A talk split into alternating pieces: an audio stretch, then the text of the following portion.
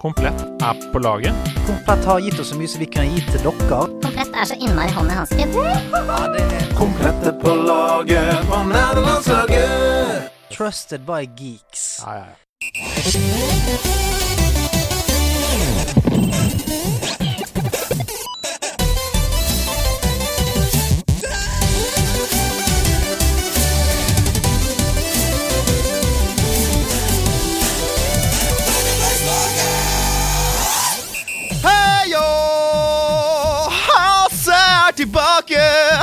Hei, alle sammen. Det er eh, Hasse, en av de mange kapteinene i nederlandslaget. Han er kjent som en av de aller kuleste folka som er eh, påkoblet det prosjektet. Og i dag er han her igjen for å snakke om dataspill og andre nerdete aktiviteter. Men han gjør det ikke alene. Han sitter her ved siden av en mann som mange mener var en av ildsjelene bak nederlandslaget i sin tid. Han har på seg T-skjorte der det står nerdelandslaget! Han heter Andreas Hedmoen. Mm, Let's get nerdy. Let's get nerdy. Og ikke minst har vi en som også har på seg eh, klær. Har på seg hvit genser, har blondt hår og smiler. Har på seg en, eh, eller har en figur på bordet. Ida Harpestad! Hello! Hei, dere! Jeg var, ikke, uh, bare så jeg, var ikke, for- jeg var ikke forberedt på å liksom ta introen, så dette ble veldig Jeg brått. syns det var kjempebra. jeg. Jeg synes du var meget, meget god. Um, jeg har fått innsendt catchphrasen. Men uh, jeg må bare bøye meg litt i støvet først, for det var veldig bra. Ja. Jeg syns det var kjempebra intro. Uh, og jeg er sikker på at alle som hører på hjemme, har noe inntrykk av hvordan stemningen er i Ja, ja. studio. Intens For Den stemning. er, den er høy! Den er høy. Og du, er, og den er du god. skinner av uh, energi og glede. Og det gjør du også, Ida Arpestad. Takk i like måte, Andreas. Og Eh, supert at du fikk adressert at vi har på oss klær når, Ja. vi, tar, eh, når vi tar opp. Vi kunne vært nakne. Vi kunne vært nakne. Altså, det jo, vi er jo på Twitch live nå, uh, så de som sitter der, kunne da sett oss nakne. Mhm. Men for, alt, for dere som hører på sin del, så kan vi alltid være nakne. Det er sant. Hvis dere vil. Uh, det var veldig lite respons på min catchphrase. Let's get nerdy. Let's get sånn- nerdy! Den, den, den, den, satt så naturlig inn i, i sammenhengen at Ja. jeg, jeg skjønte ikke at det var en catchphrase engang. Det er et godt tegn Ja. På en catchphrase. Ja. Men hvem er det som har sendt den? Super-Carlsen. Super-Carlsen. Typisk Super-Carlsen. Og han skrev også uh, flørtende og utfordrende. Si det flørtende og utfordrende. Let's get nerdy. ja, fordi jeg tenkte sånn uh, Christina Aguilera 90-tallet. Let's get dirty! Ja. Uh, dirty Wanna get nerdy! Ja, ikke sant? ja, ja. Um, men så ble jeg litt med Det var egentlig det jeg hadde tenkt. Men så skrev han flørtende og utfordrende. Men, mm, let's get nerdy. Men ikke over streken. på en måte Det Nei, skal da. være sånn hyggelig sensuell flørting. Absolutt. Uh, gjensidig respekt og alt det der. Samtykke det. Let's get ja, nerdy. ja. Streken uh, er fortsatt i sanden. Den Ja. er ikke streket over. Nei. Hvordan har du det, Hassemar?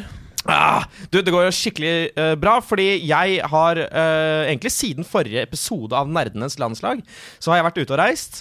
Jeg dro først til eh, Spania, men egentlig ikke. Fordi det er egentlig ved siden av Afrika. Det er en eh, øygruppe som ligger ved siden av Afrika, som har veldig sånn gode solforhold. Oi. Gran Canarien. Uh. Ja, Kanaristrendene. Kanaristrendene. Var du på Las Palmas? Eh, det var det første jeg sa òg. Han bare Ja, faen ikke på Las Palmas. altså, Las, nei, Las Palmas er liksom hovedstaden. Ja. eh, og nei, jeg drar jo på en måte litt ut sånn der jo hipsteren er. Å ja, ok. Den kule siden av Gran Canaria. Ja, ja, Gran Canaria svar på Bushwick, på en måte. Uh, East Village. East Village. så der hang jeg her i ti dager. Uh, og helt, helt nydelig. Mm. Og så dro jeg hjem igjen. Uh, og da tok jeg rett og tok en liten tur til uh, København også. For å få den ekte Du er en globetrotter. Jeg er en globetrotter. Mm. Copenhagen. Copenhagen! Mm. Som de sier i Danmark. Ja. Ja. Var det, deil, var det deilig å være norsk i Danmark? Ja, det er det. Eh, Særlig nå er det ikke så mange nordmenn der pga. på grunn av eh, mm, uh. Eh, Så man følte seg litt ekstra unik, da. Og det syns jeg var gøy. Men uh, fikk du vært innom Legoland Land? Jeg, uh, det Legoland var ikke åpent. Det er ikke åpent. Ja, men Eida, Du har verken vært i København eller på den kule siden av Gran Canaria. Nei, jeg har ikke det. Men hva har du gjort? Jeg har, Det er to uker siden sist. Jeg Mm. nå har jeg eksamen, så det er jo litt sånn så som så. Ah. Mm. Hjemmeeksamen. Så jeg, jeg spør hvor jeg kommer fra. Hvor er det du kommer fra, Ida? Prokrastinasjonen. Oi, Den, er ikke, ja, den skal ikke komme! Nei, nei, nei. Men du er eh, spiller på landslaget i yes. prokrastinasjon. Yes, De forente prokrastinasjoner. Jeg eh, jo, har hjemmeeksamen, men jeg har fått spilt litt, og jeg har kosa meg litt, baka litt, eh, vært litt på jobb. eh, En og den andre. Skrevet litt òg, da. Det Mm. høres ikke Ja, ja, dumt ja, ja, ut. Og så kanskje ei lita glass vin innimellom der. Er det mer øl på deg, eller? Ja, litt mer øl og dansing uten munnbind. Woo! Oi, oi, oi! Hjemme, eller? Er bare hjemme. Ja, men det er greit. Hvis ikke så måtte jeg rapportert deg. Ja. Og, Eh, som seg hør og bør. ja. Ja. Hva med deg, Andreas? Du, jeg har det bra. Jeg har jo mm, øh, Vi skal snakke mer om det senere, men jeg fikk jo Pokémon Arcus kolon uh, Pokémon Legends kolon Arcus uh, i posten en dag før release, og har spilt uh, Spilte 40 timer på seks dager. Det er så rått. Eh, det er mye. Det er dedikasjon. Så det, er- jeg har ikke gjort så mye annet. Og så begynte jo OL forrige helg. Eh, det skal vi også snakke mer om. Eh, jeg har lyst til å spørre dere, for dette har ikke du vært implementert i, nemlig, Hassefar. Hvordan går det med prosjekt ut av komfortsonen? For, for to uker siden så etablerte vi et prosjekt her, jeg og Sebastian og Ida, som at vi skulle spille et spill i en sjanger vi aldri rører til vanlig, for å utvide vår egen horisont. Vi snakker jo mye om det å være flink til å liksom Ja. uh, teste andre ting og sånn. Åssen går det med prosjektet? Har du fått spilt noe? Eh, nei, det har vært eh, nedprioritert for eh, eksamen. Helt Men, men jeg har fått en utfordring Oi! eh, i utfordringen. Og det er at jeg skal Vi kommer fram til at jeg skal spille et slags sportsspill eller bilspill. Det er gøy, gøy. Ja, veldig gøy. Og da er det fra Jørn som sier eh, at du skal spille et spill i F1-serien til Codemasters. Ja, Formel 1 der, ja. Ja, og at eh, eh, jeg skal prøve å få noen sponsorer. Mhm. Bonuspoeng hvis jeg klarer å skaffe sponsorer som kan gi deg eller låne deg racingsete, ratt og pedaler. Sånn at jeg kan spille spillet uten traction og ABS-brems. Ekte Formel 1-stil. Ok, Så hvis det er noen sponsorer som hører på nå, så er det bonuspoeng til deg for denne challengen. Hvis du får tak i dette utstyret. Ja, kan jeg se inn i kameraet? Ja, Se inn i kameraet. sånn, Hold appellen din. Jeg skal. Hei. Jeg heter Ida Dorthea Orpstad, og jeg er spiller på nerdelandslaget. Jeg ønsker å utfordre meg sjøl til å bli en bedre spiller, til å bryte grenser, til å bryte ut av komfortsonen. Og det trenger jeg din hjelp til. Kan ikke du, eller noen du kjenner, som sitter på et racingsete, et ut, en utstyrspakke som kan hjelpe meg til å nå min drøm om å virkelig oppleve gleden av racingspill? Ta kontakt, spons meg, eller lån meg noe gear. Vi snakkes. Jeg, Altså, det der er uten manus, folkens. jeg er solgt. Hadde jeg vært en Ja. sponsor som satt på gjerdet her nå, så hadde jeg, jeg hadde hoppa av gjerdet. Ja, men har du ikke noe penger til overs du kan altså, har du ja, men det, Ta opp et en- lån, da! Nei, men det er fantastisk. Ja, takk, takk, takk. Uh, Hasse, Ja. hva ville ditt spill ha vært? Eller kanskje hva ville din sjanger ha vært, da hvis du skal utfordre deg i en sjanger som du aldri spiller til vanlig? Ja, altså det, det, det ville nok på en måte vært noe av det samme eh, sånn på førsteplass. Ja, Altså sånn sportsspill. sportsspill, Gran Turismo Men du spiller masse Fifa og sånn. Ja, ja. ja, Ja. Da, tenker jeg, jeg tenker fotball kjørespill, da. Ja, ja, ja. Kjørespill, og da tenker jeg på realistiske sånn eh, Hva heter det? Men altså- Simulatorer. Vi kan jo, hvis, hvis noen sponser meg, så kan du få låne. Vi kan prøve litt sammen. Ja, vi kan også det, men jeg er veldig for mangfold. Ja, okay. På alle områder i livet. Ja. Absolutt alle. Mhm. eh, så jeg tenker kanskje at eh, jeg kan prøve meg på eh, enten en JRPG ja. eller et MMMMMO. Ok, Mhm. dere som er uh, spillere på nederlandslaget som hører på denne podkasten. dere var, gjorde en kjempejobb med å gi spill til meg og Sebastian og Ida. Gjør det samme for Hasse. JRPG eller MMO. Ja, og hvis, altså hvis dere velger en JRPG, hvis det da finnes eh, sånne som ikke varer i 80 timer, så er det å foretrekke. Ja. Jeg kan godt spille et som varer i 80 timer, men da, da, da rekker jeg sannsynligvis ikke å spille gjennom hele greia til neste gang. Nei, nei, og, og det, det er veldig viktig å etablere i dette prosjektet. Det handler ikke om at vi skal dedikere livene våre til denne sjangeren. Vi skal dyppe tåa nedi, gi det en ordentlig sjanse, og, og teste det, liksom. Men vi trenger ikke spille 80 timer. Altså, vi har, hvis vi har spilt 7-8 timer og kjenner sånn Dette er helt forferdelig, så, uh, så kan vi godt gi oss med Dette det. skal Men ikke være en lidelseshistorie heller. Absolutt ikke, men man skal gi det en ordentlig sjanse og prøve å se hva det er med denne sjangeren som ikke har truffet deg, men som treffer en hel verden. Og kanskje det kan treffe deg. Eh, ikke sant? Ja. Ja. Så uh, jeg spiller hos Stellaris. Grand Strategy. Sånn uh, romspill hvor du er oppe i Civilization bare in space. Eh, kjempemasse å sette seg inn i, og du må ansette folk og sånn. Kjempespennende og veldig gøy, og jeg har nesten aldri rørt sånne Grand Strategy-spill. Så det er gøy. Så dette kunne vært noe du fortsatte å spille Jeg har spilt ti timer nå, så det, det lover jo godt. Ja. Med tanke på at jeg fortsatt syns det er veldig gøy. Så du har kommet Vi kommer tilbake Ja, til det. Ja! tilbake. Ja. Aller først så må jeg si at det er bare en måned igjen til vi skal ha liveshow! Live! Oh! Og det liker vi. Vi liker å være live. Vi Vi liker å være live. Live. Kristiansand 11. mars på østsida. Det blir dansing, det blir synging, det blir gjøgling. Det blir helt rå konkurranser. Hva, hvorfor hva var det? Nei, det, jeg prøver å liksom vise at det kommer også noen eh, eh, hemmeligheter. Ja. Jeg vil på en måte ikke si det rett ut. Jeg Ja, sånn, overraskelser, ja. Ja, jeg er enig. Jeg tror det blir i hvert fall veldig deilige premier, giveaways. Vi har fått noen eksklusive premier fra både Microsoft og Sony i posten, så det er bare å ja, smøre seg vi tar imot for begge deler. Det er det vi gjør. Det blir rett og slett en audiovisuell fest. Så du finner billetter. Eh, Det er veldig enkelt. Det er bare å google Nerdelandslaget Kristiansand, så finner du billetter. Mm. Eh, eller så kan du gå inn på tikkio.com hvis du vil det. Men østsida, Kristiansand, 11. mars. Løp og kjøp! Løpa! Da tror jeg vi er godt i gang, jeg. Er det, vil du Eh, si at det er en god valentinsgave? Oi! Ja, Ja. det vil jeg si. Ta med deg eh, den du er mest glad i. Mm. Det kan Mm. være eh, dyret ditt. Det kan være broren din. Det kan være vennen din. Det kan være kjæresten din. Ja. Ja. Må få med det romantiske her. Ja. Så, og det å gi opplevelser er jo en fantastisk gave. Så Mm. Det er valentinsdag på mandag. Ja. Kjøp et par billetter til deg og en du har kjær. Det har du veldig, det det. har du veldig framme i panna. Ja, at det er valentinsdag på fredag. For det hadde ikke jeg på mandag. ja Morsdag på søndag. Hva med å gi en opplevelse til din mor, som du er Ja! veldig glad i? Du, gi billetter til mor Ja. s- eh, som aldri har hørt om oss, og som, aldri har, som ikke har spilt noe siden Pong i 1971. Eller kanskje hun har spilt masse. Eller kanskje hun har spilt masse, Ja. fordi vi må ikke glemme at mødre spiller masse. Ja, Mødre for gaming. Det er jo en stor gruppe på Facebook. Det er jo det. Uh, Flerfoldige tusen som er med i den. Men før vi går i gang, det er februar, baby! February! Hvorfor er det din favorittmåned? Bursdag din, tulling. Det er fordi det er morsdag, og det er snart valentinsdagen! I og- dag. Ja, og, og det er en kort, deilig måned. For min del så er det bare én måned nærmere våren. Å, ja. Og det betyr at det er nok en måned med deilige deals fra vår trofaste samarbeidspartner komplett.no. Komplett er på laget. Ja, Vi har nok en gang gleden av å trekke fram tre nydelige produkter som vi selv har testa. Eller som vi bruker å gå gode for, og som du da ikke finner billigere noen andre steder. Jeg har sjekka dette på Prisjakt. Vært og sjekke Prisjakt. Jeg driver liksom og reklamerer på Prisjakt litt. Ja, men aller først så er det et um, sånn streaminglys som heter Svive Prokion Keylight. Ja. Og det lurer jeg på om jeg har. Det, altså det som er så latterlig digg med det lyset her, det er at det har sånn fysiske hjul for styrke på baksiden.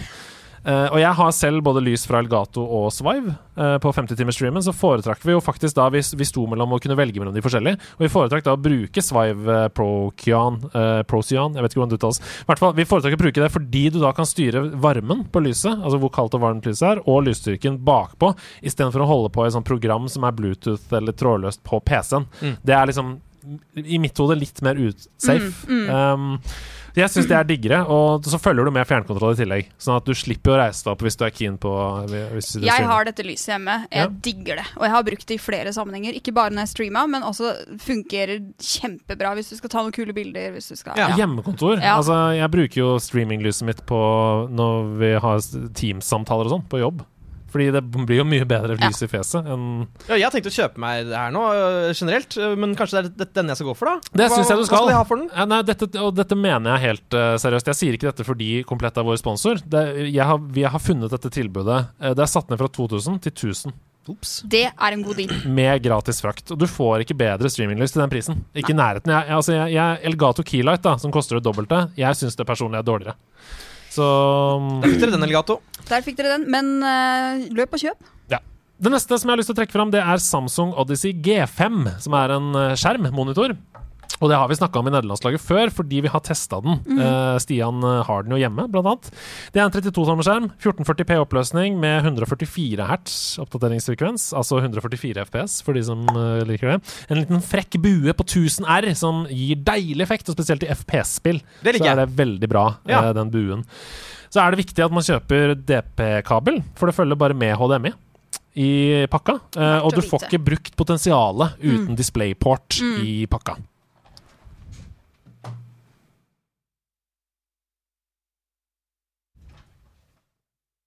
Ehm, du har nettopp kjøpt PC med skjerm. Uh, ja, hvis er nettopp nettopp. er et år siden, så og Du opererer jo med sånne tidsspenn.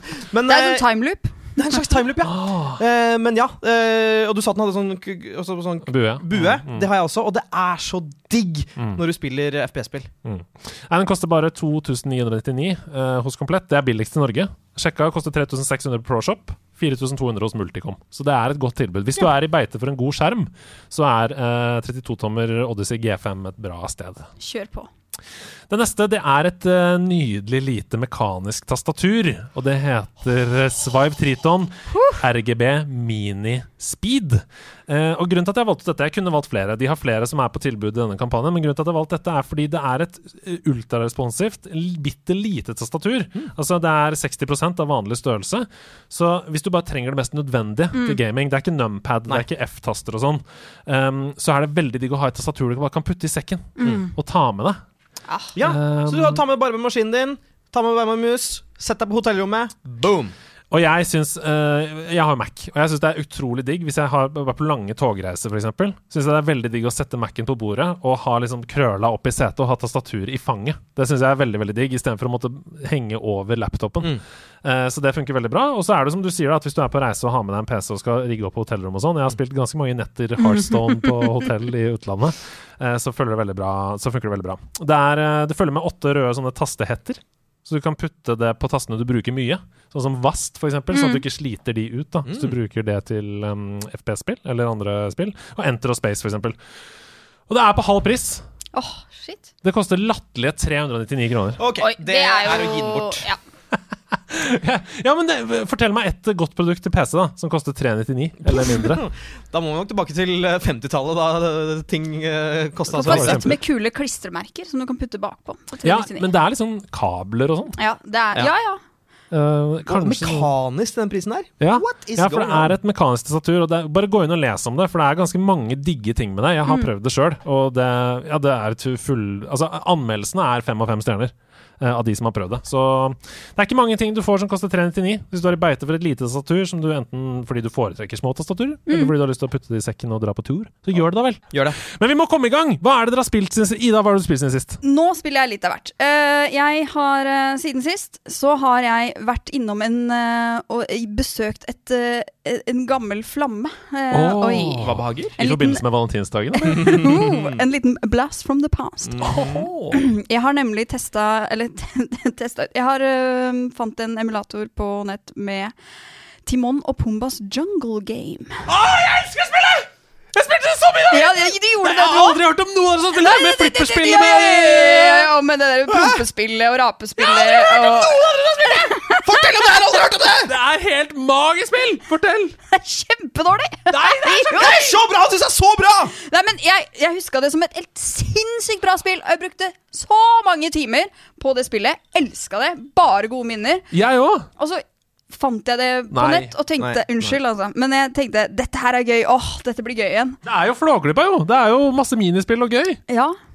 Det er, fire, det, det er bare fire min, minisp minispill. Jeg trodde det var så mange flere. Det er den der hipp og hopp, det er slingshooter, det er flipperspill, og det er burpaton. Eh, og så ble Nei, jeg ble veldig skuffa. Men nostalgien eh, så kom som en stor tsunami over meg, og det ga meg veldig mye glede. Så brukte jeg et par timer på spillet. Ja, det gjorde jeg. Da er spørsmålet, vil Ja. du nå som du har fått oppleve at eh, minnene ikke helt eh, stemte, mm. vil du da anbefale Andreas å få sine minner ødelagt for livet? Skal han også spille dette spillet her, eller skal han få beholde de varme tankene om Timon og Pumba-spillet? Det kommer an på om jeg allerede har ødelagt. Ja, du, det, det er umulig for Ja, deg. ja, det, det er ingenting du kan si ehm, som kan ødelegge de minnene for Altså, la oss, la oss bremse helt ned der. Ja. For det første så er jo dette spillet hvor du hopper over elva, det er Ja. jo Frogger. Det Altså, er en, det er en bedre versjon av Frogger. Du hopper over på flodhest, og så er det noen forskjellige greier der. Vanskelig! Ja, det vanskelig. Men du kan få noen sånne power-ups Ja, ja, ja, det er noe egg som gir deg et ekstra liv. Og så kommer den derre den, der, den, der, den fuglen som kom, Når du har kommet deg over på andre sida, så kommer det en fugl, og så tar deg tilbake igjen over alle Ja. Det er så deilig. Og så er det jo dette flipperspillet, da. Og det har jo Mm. mye mer dybde enn jeg trodde. Jeg spilte jo i timevis. Jeg elska flipper. Det er på en måte det jeg har bonda med min far på hva gjelder gaming. Og pappa elska flipper fysisk da han var liten. Eh, ikke noe andre spill.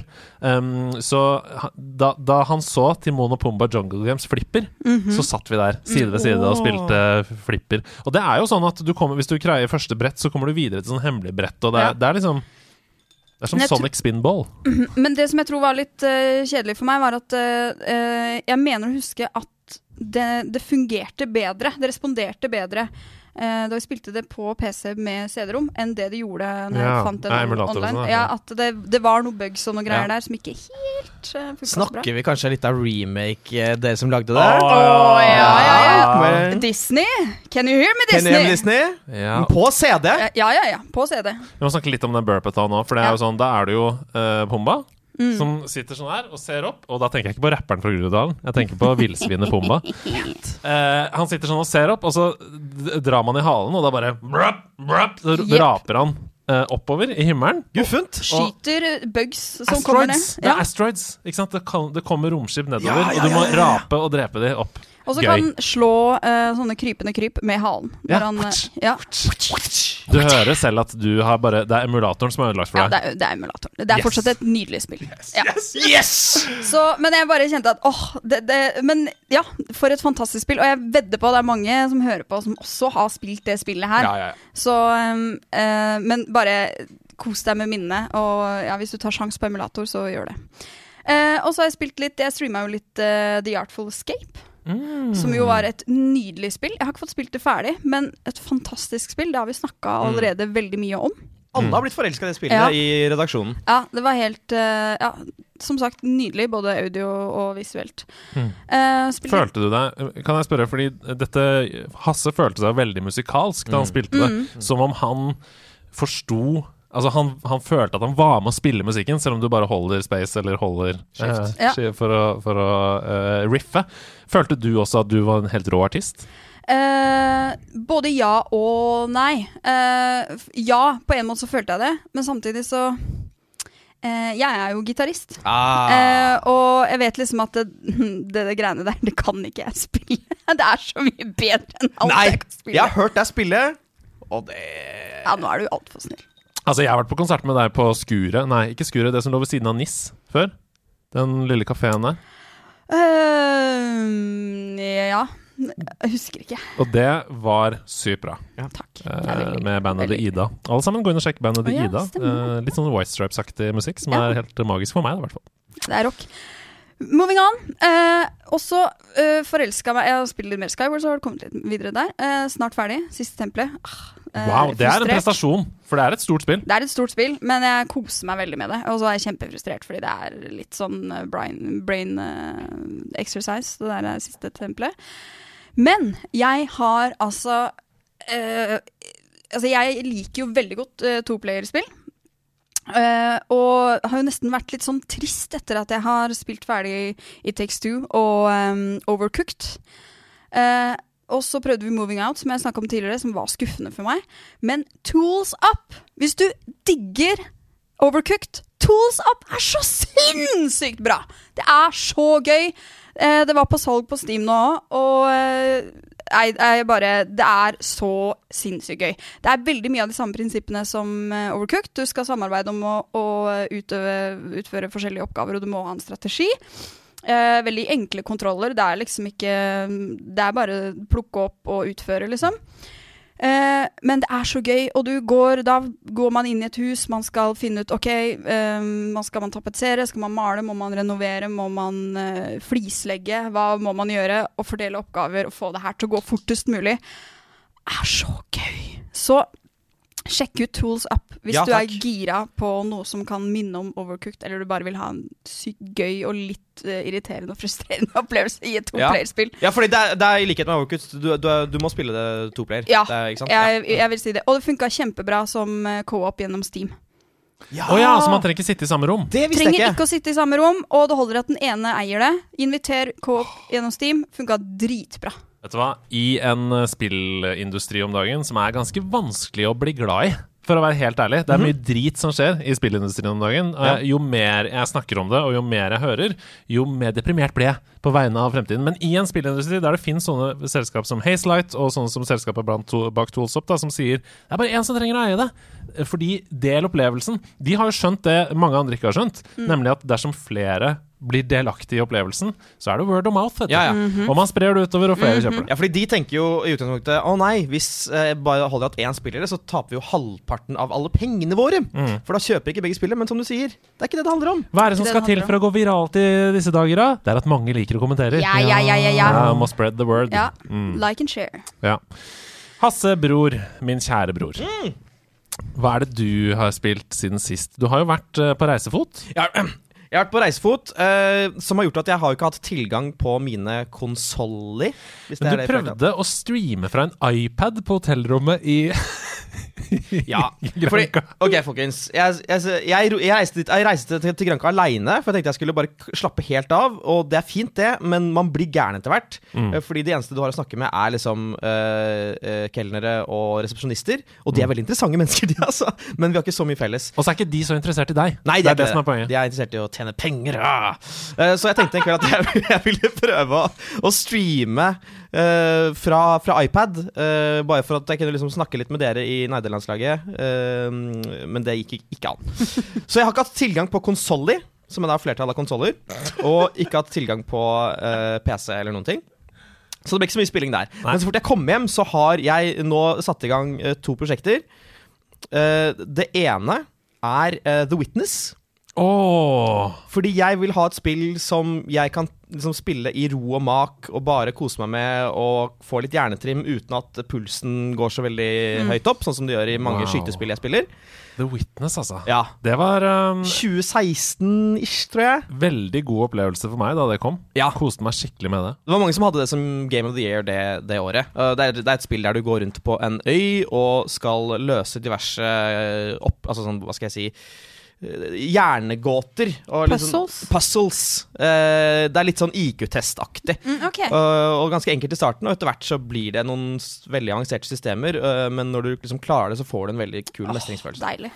Så det anbefaler jeg. Uh, og så fikk jeg med meg at uh, det skal komme en uh, Star Wars Jedi Fallen Order 2 i på år! Ja, allerede nå! Altså De annonserte det i år, og det skal komme i år, så det synes jeg var veldig gøy. Og jeg spilte aldri helt ferdig det forrige spillet, av en eller annen grunn, så nå har jeg liksom begynt å spille det fra begynnelsen av igjen. Nå skjønner jeg hvorfor du var så talentfull på Git Good. Med og bare tok det ganske straight off the bat, fordi uh, Jedi Fallen Order Det er er, jo mm. Dark Souls satt til Star Wars-universet. Ja. Det, og det er noe jeg skjønte først nå. Jeg skjønte ikke det første gang jeg spilte det. Da tenkte jeg bare sånn Oi, dette er et litt vanskelig Star Wars-spill. Oi, skal jeg dø av denne bitte lille bossen her, da? Uh, Frosken på ja, starten. ja, frosken på starten! Alle dør av frosken på starten. Uh, men nå skjønner jeg jo at det er det, og jeg merket at jeg hadde blitt litt bedre bare av å spille uh, Demon Souls med, med Seb. Nice. Så jeg koser meg veldig med det, og skal nå runde det før, eh, før eh, nummer to kommer. Nice. Det er et så bra spill. Eh, og det er så mange, i motsetning til veldig mange andre Star Wars-spill opp igjennom, så er det så mye valgmuligheter i hvordan man f.eks. tar livet av fiender. Du har liksom hele dette uh, Force-systemet, ikke sant? Kombinert med Du kan dytte noe ut for kanten, du kan Ja, det er veldig gøy. Det er veldig gøy. Uh, og jeg, altså, jeg mener fortsatt at lyssverd er det beste våpenet som er funnet opp til populærkulturen.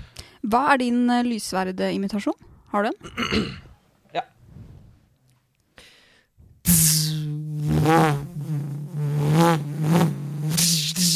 Det er så bra. Det er så.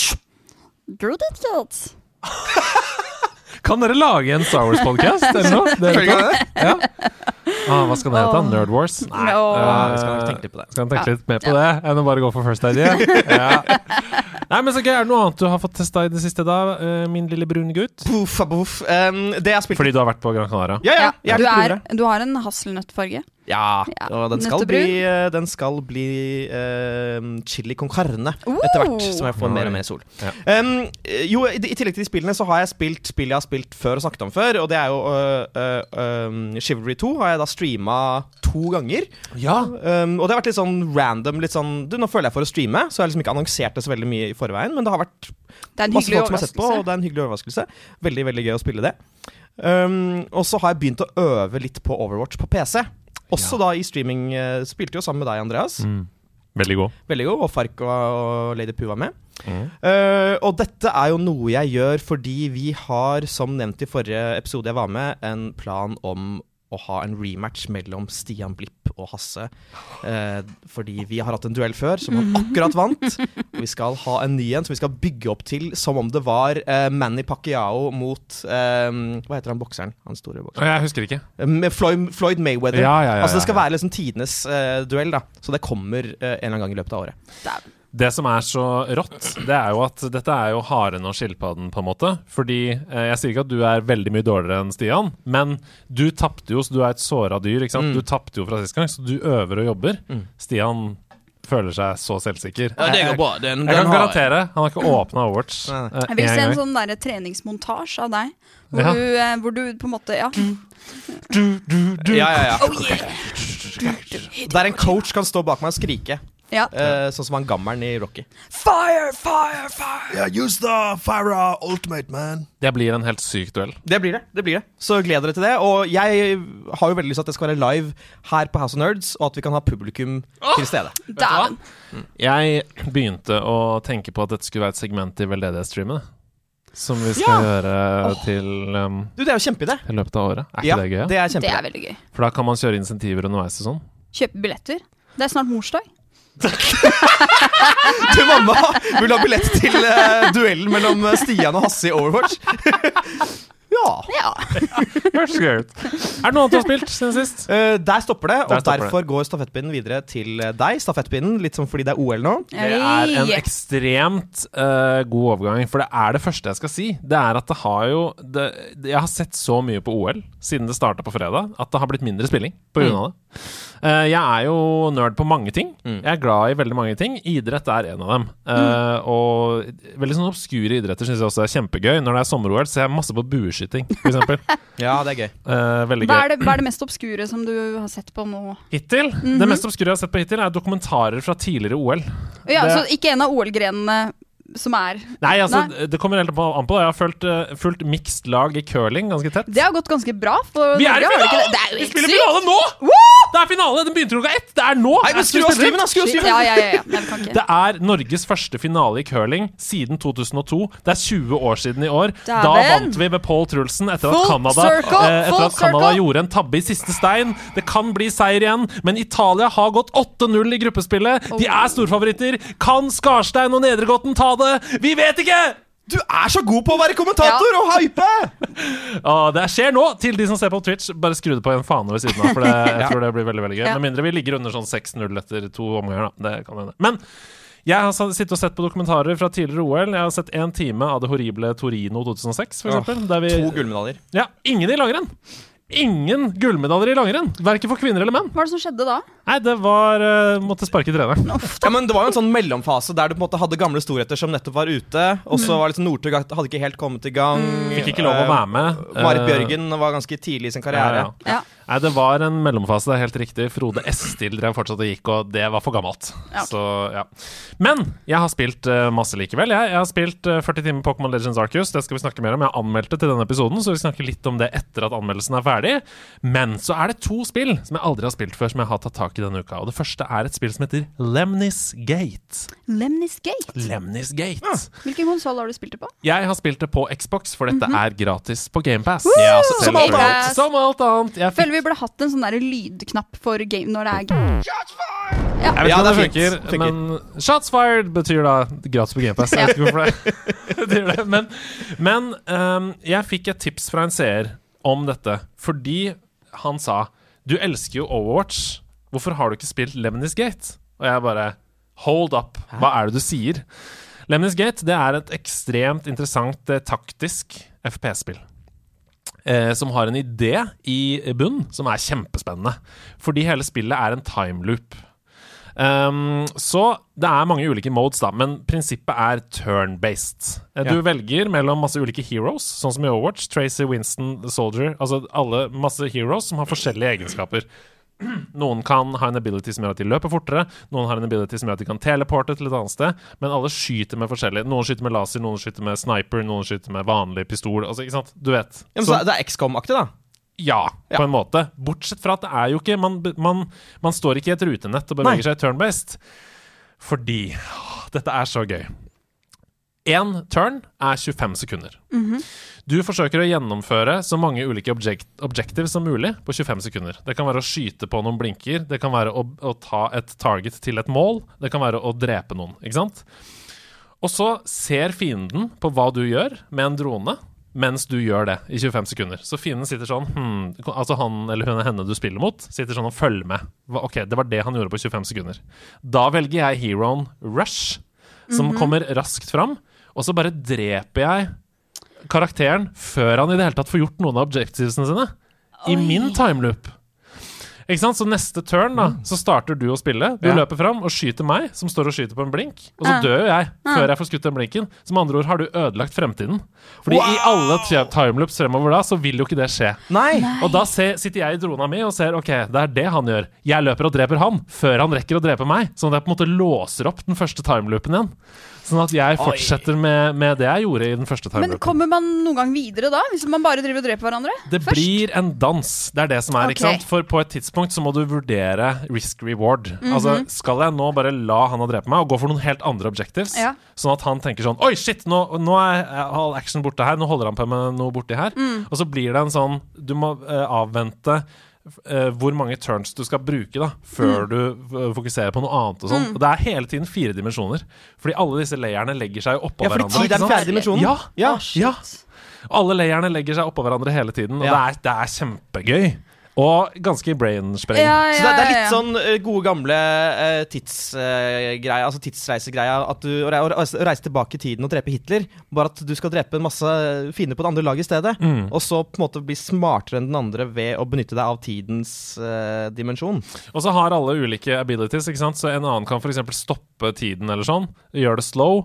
Sånn Sånn som at, Hero i eh, Heroes. sånn at du da kan på en måte flytte deg ut av skuddsiktet i en annen turn. Hvis du skjønner? Ja, ja, Sånn at alt påvirker hverandre hele tiden. Så det blir et sånn sjakkspill og et skytespill. Det er kjempegøy. Det, ut. Ja, det er kjempegøy. Det høres også litt frustrerende Ja, det er frustrerende. Ja, men, men, det, men det er jo gøy. Det skal jo være litt For, Ja. For mestringen blir jo enda større. ja. Lemnis Gate. Lemnis Lemnis Gate. Og jeg, jeg tror at når man mestrer det, så tror jeg det er dødsgøy. Jeg har ikke mestra det helt enda, det kan jeg ærlig innrømme, men, eh, men jeg fikk mestringsfølelse av, um, av starten. Og det er jo gratis på GamePass, så det er, ikke noe, det er bare å teste ut. Uh, eneste du må bruke tid på, er å laste det ned. Uh, så det Et offer vel verdt. Og så har jeg spilt et annet spill av et selskap som er i vinden om dagen. Det er et selskap som heter Agrocrab. Agrocrab! Jeg elsker logoen. Det er en krabbe med en kniv som går sånn her eh, bortover. Agrocrab. Og det er et lite indieselskap. Det er to stykker, uh, to kompiser, som har laget Agrocrab. Og grunnen til at de er i vinden, vet du hvorfor de er i vinden? Øhm, nei. Nei. Blitt kjøpt opp av Microsoft? Nei, men de har publisert det spillet som jeg har testa, som heter Going Under. Det har de publisert sammen med Team 17, som er selskapet bak Worms. Ah, Og Team 17 gikk tidligere ut denne uka her og sa at de nå, sammen med en tredjepart, skulle lage NFT. Masse NFT-er ja! av eh, Worms-karakterene. Ja.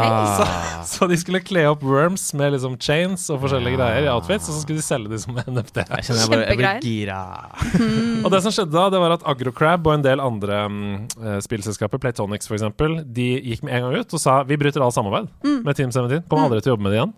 Eh, eh, Agrocrab skrev under brevet med 'I hate this fucking times we live in'. Det var det de skrev nederst. Og uh, da trakk Team 17 seg fra alle NFT-planene 24 timer etter at de hadde lansert dem.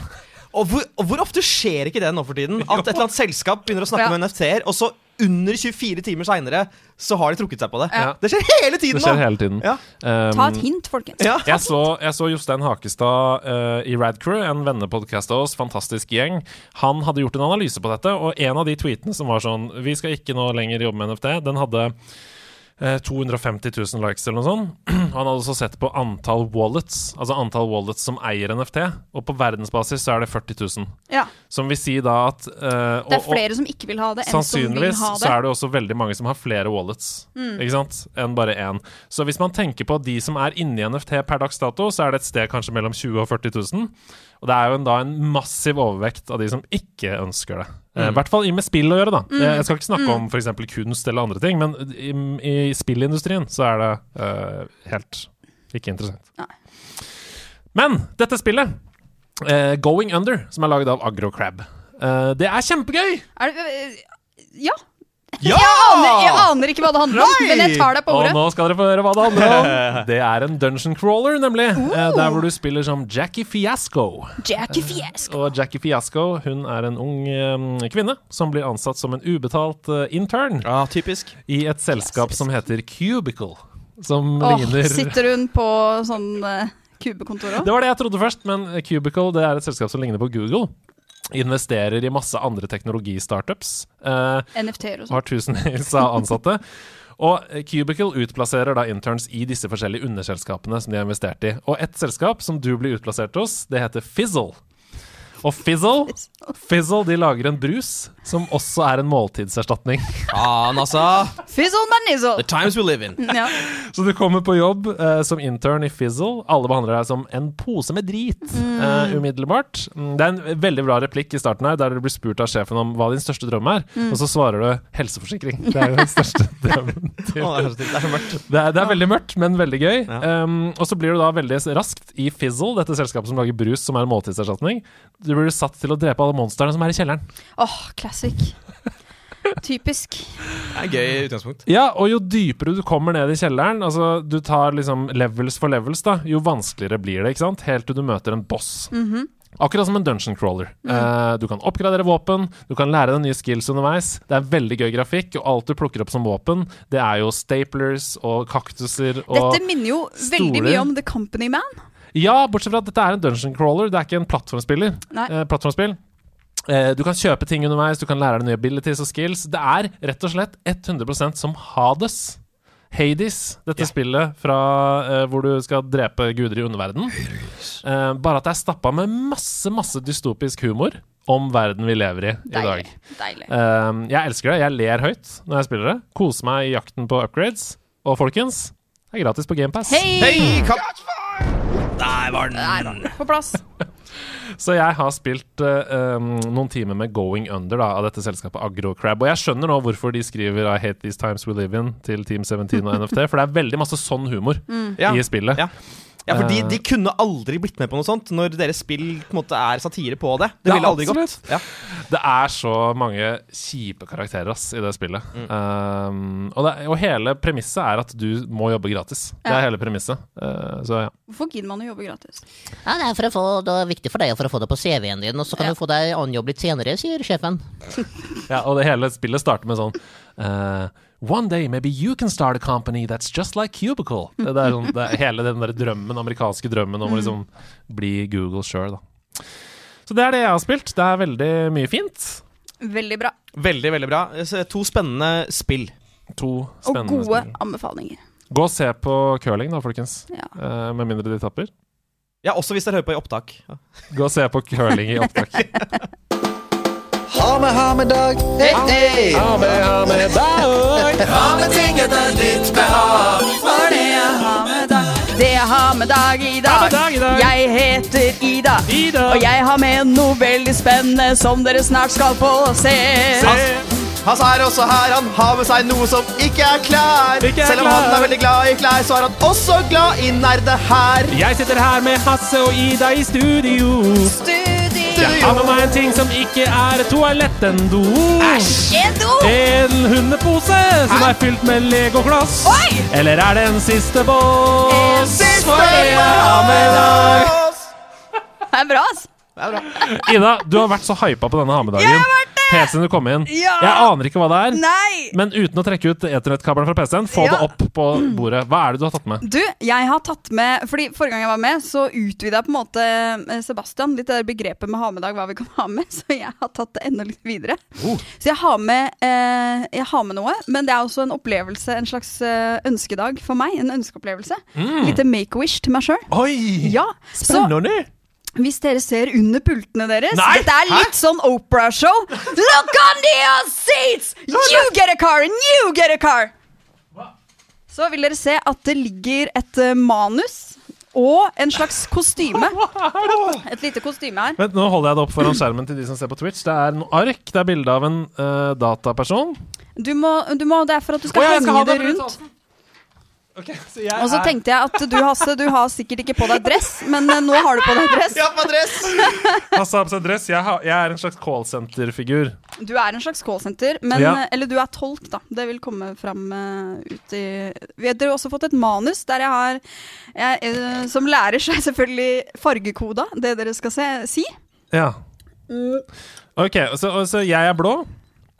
Her er manuset til Ida. Jeg holder opp for eh, kameraet her nå. Du er eh, blå, Hasse. Du er gul. Og jeg er rosa. Da kan vel du bare begynne, Hasse, for du er gul øverst der. Yep. Ja. Minasan, yokoso! Garwan! Hotoniana, Narasagano! Ano, ichiban skina koto des! Ano! CEO for Nintendo Shuntaro Furukawa ønsker deg velkommen til dette jobbintervjuet. Din søknad til stillingen som spilltester for Nintendo er veldig spennende. Tusen takk, det er en glede å få være her. あの、すいません、あの、イダ、イダちゃん、あの、これ、ナレラサガの、あことは、あの、大好きですか Mr. Furukawa, eller Mr. Nintendo, da, som vi kaller han på huset, han liker spesielt godt at du har erfaring fra podkasten Nerdelandslaget, sier han her. Det er hans yndlingspodkast, og hver onsdag må jeg oversette ukens episode for han. Det er litt av en jobb, så personlig så skulle jeg ønske dere lagde litt færre og litt kortere episoder, men det er bare min eh, mening. Det er jo utrolig hyggelig å høre, og for, for en ære eh, at selveste Mr. Nintendo hører på oss. Eh, Da vet han vel allerede hvor glad jeg er i å spille spill, og spesielt på Nintendo Switch. あ、イダさん本当ですかあ、それ本当ですか あ、すごいすごい行きましょうスイッチオン Jeg er egentlig ikke så glad i å spille Nintendo-spill. Jeg er mer en sånn Xbox kind of guy, sier uh, Furukawa her. Sier du. Jeg er egentlig ikke så glad i å spille Nintendo-spill, jeg. jeg er mer sånn Xbox kind of guy. Eh, Da sier er jeg, jo- oversetteren. Da er det jo kanskje litt rart at du jobber her. Og syns du ikke det er også rart at uh, du må oversette det Mr. Nintendo sier, når det virker som han forstår utmerka hva jeg sier? Hæ? Jeg visste det, onde tolk. Du har holdt meg for narr hele tiden. Jeg fikk min første mistanke da du oversatte lydplanken til lydstanken, og at korktavle betydde takk for oss, sees neste uke. Løp av gårde, din slyngel, og kom aldri tilbake! Hva skjedde nå? Du ble ansatt som vår nye spilltester. Dobbel lønn. Virkelig? Tusen takk! Bare hyggelig. Og så er du veldig fin på håret, om jeg må si det selv. Igjen tusen hjertelig takk. Du, Ses vi på mandag, eller? vi ses på mandag. Wow! Ja!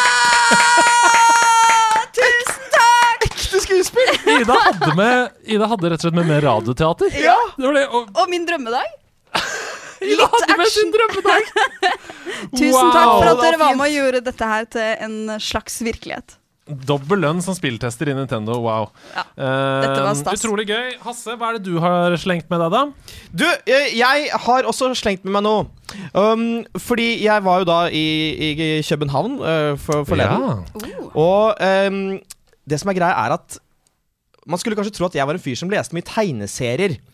Uh, Det har jeg alltid trodd. det har du, jeg vet- at du alltid har trodd det. mm. Men jeg gjør ikke det. Nei. Uh, det er på en måte en sånn del av nerdekulturen som jeg aldri har helt uh, tatt meg tid til å, å begynne med. Ja, skjønner. Men så gikk jeg rundt i Københavns gater, og så så jeg Mm. Var du sulten? Jeg var ganske sulten, altså. Jeg var det. Litt sånn uh, Jeg ikke sulten. Ja, jeg tenker på Sult av Hamsun. Um, og så så jeg en butikk. Der i vinduet så så jeg eh, masse, masse Tintin-effekter.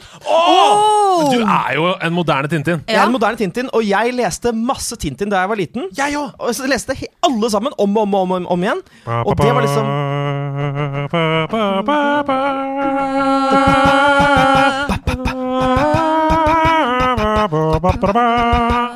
fantastisk. Eh, men så Du har er jo litt lik på han der eh, cap'n uh... Haddock. Jeg er litt lik som cap'n Captain Haddock. Ja, Nå, skal, vi- nå må vi slutte å avbryte. Ja. Hva var det du skulle si? Nei, uh, og det var veldig viktig for meg, og det var noe jeg leste veldig mye. Og uh, det fikk i gang en sånn leseglede hos meg. Men så har ikke jeg lest Tintin siden jeg var sånn 13, øh, 13 år. Nei. Og så så jeg da disse greiene i vinduet, gikk inn og så litt rundt, og så fant jeg rett og slett alle Tintin-bøkene i hardcover. Um, og da bestemte jeg meg for å kjøpe noen sånne. Og det i seg selv er veldig hyggelig, fordi det, Det- er masse kule Tintin-album. Det er sånn over 20. mhm. Men så fant jeg også et album, et Tintin-album, som jeg aldri hadde sett før. Wow. For jeg trodde jeg visste alt om Tintin. Ja. Å nei, Men jeg, dette? fant, men jeg fant rett og slett den første Tintin-boka, som er The Adventures of Tintin in the Land of the Soviets. Nei, så sykt fett! Wow, in the land of the Soviets! Ja, nå skal jeg holde det foran skjermen, så dere som streamer kan se. Um, Oi, oi, oi. Og det er rett og slett Det er på en måte en offisiell Tintin-bok, men den er også litt uoffisiell. Ja, ja, ja. Fordi dette var den første Tintin-historien som Hergé eh, skrev. Den kom ut i 1930 i en belgisk avis, og er rett og slett propaganda mot Sovjetunionen. Ja, Altså, og Terry er med. Terry er altså, med. Altså, Ja, ja, ja. Og øh, du ser på en måte Du kjenner igjen Tintin, men det er veldig veldig dårlig tegnet. Altså, det er en, altså, Er vi med på en en læringskurve? Vi er med på her. Veldig læringskurve. Altså, Hergé var en perfeksjonist. Han, øh, når du liksom leser en Tintin, så ser du på en måte at det er sånne små detaljer overalt. Ja. Men når du ser det her, så ser du bare at dette er en fyr som på en måte, nå gir Jeg må se, ja. Dette er, dette er en fyr som ikke har lært seg å tegne helt ennå. Ja, men han er på vei et eller annet sted. Han Har en god idé. er Tegneferdighetene er ikke helt der ennå. Kjempedårlig! Men Det er kjempedårlig, og Hergé har vært veldig skamfull over det her, og prøvde i mange år å få denne uh, ut av sirkulasjon. Han ville Ja. ikke at den skulle gis ut på nytt, Nei. men det ga de til slutt faen i, og har gitt ut. Men altså um, Manuset ser jo bra ut, selv om tegningene er under pari. Ja, altså, og manuset er jo fint, det. Det er bare at det er veldig sånn tydelig at dette, dette handler ikke om å fortelle en god historie om Tintin, det handler om å fortelle en dårlig historie om Sovjetunionen. Så Tintin går liksom rundt og ser hvor dritt de har det, og hvor uh, hjernevaska de er, da. Ja, Det er jo også litt øh, sånn smårasistisk her og der. Og det, det er det alltid i tidlige Hergé-fortellinger, dessverre. typisk tidlig Typisk. Ja. Wow. Uh, utrolig fin ha med dag. Veldig bra å ha med deg. Tusen takk for at Kan ikke dere du sier det. spørre hva jeg har med deg i dag? Du, Andreas, hva er det du har med i dag? Jeg har lurt dere hele tiden, for det har stått foran øynene deres hele tiden uten at jeg har sett det. Hæ? Det er en hvit eske som jeg nå løfter opp her Oi. foran, og der er det nemlig en Viewmaster! Å, det er rått! Det er rått. Fra jeg var liten, og og du kan kikke inn i den og bytte bilder, og her er det tredimensjonale bilder av masse deilig Og den, Disney. og den klikkelyden. Den klikkelyden Jeg klikker. Jeg skulle ønske, altså For de som ikke vet hva dette er, så det ser ut som en kikkert. Du putter øynene dine inn i, i den, og så um, drar du ned på høyre side for å bytte på en måte lysbilde. Og da får du en historie av, i mitt tilfelle, det er vel Ole Brumm som er inni der nå.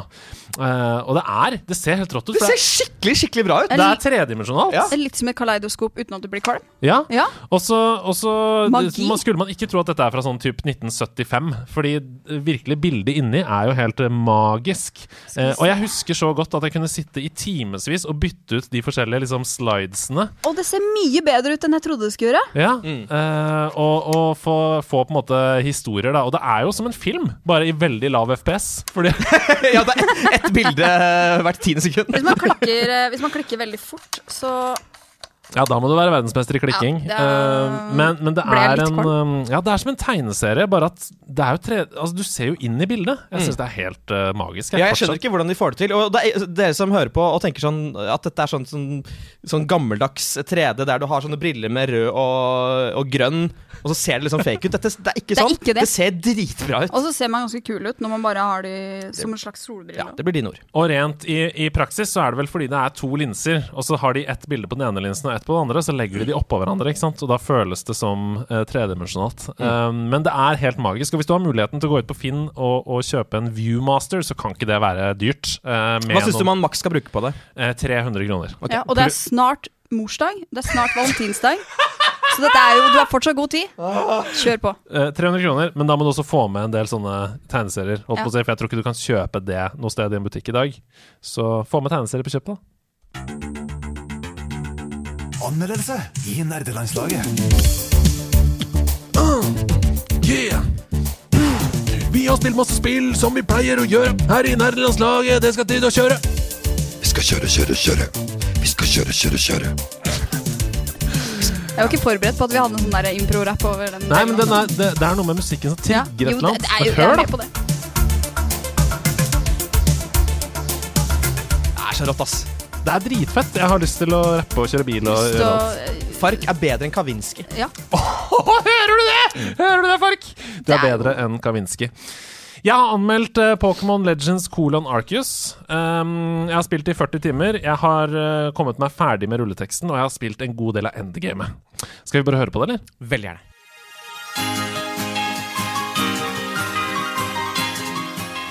Da jeg satte meg ned med Pokémon Legends Arceus, så syntes jeg det var vanskelig å vite hva jeg kunne forvente. Ut fra trailere, klipp og intervjuer som vi har sett i forkant, så kunne det virke som om spillet endelig skulle være det som vi Pokémon-fans har ønsket oss helt siden Red tok sine første skritt ut av Pallet Town for 26 år siden. Et open world Pokémon-spill inspirert av Zelda Breath of the Wild, der mennesker og Pokémon lever side om side. Et ekte RPG med main og sidequests der små og store historier veves inn i hverandre. Et eventyr i en levende verden med variasjon i miljøer og byer, slik at du føler at menneskene som bor der, faktisk har ekte liv, og at det derfor er viktig at du redder regionen de lever i, fra undergang. Men har Gamefreak klart alt dette? Er dette alle Pokémon-treneres drømmespill?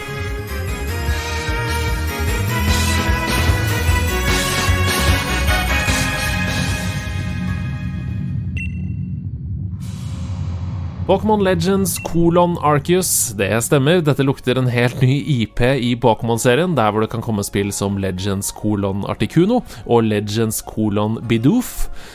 Kanskje ikke den siste der, men uansett, det er et Pokémon-spill.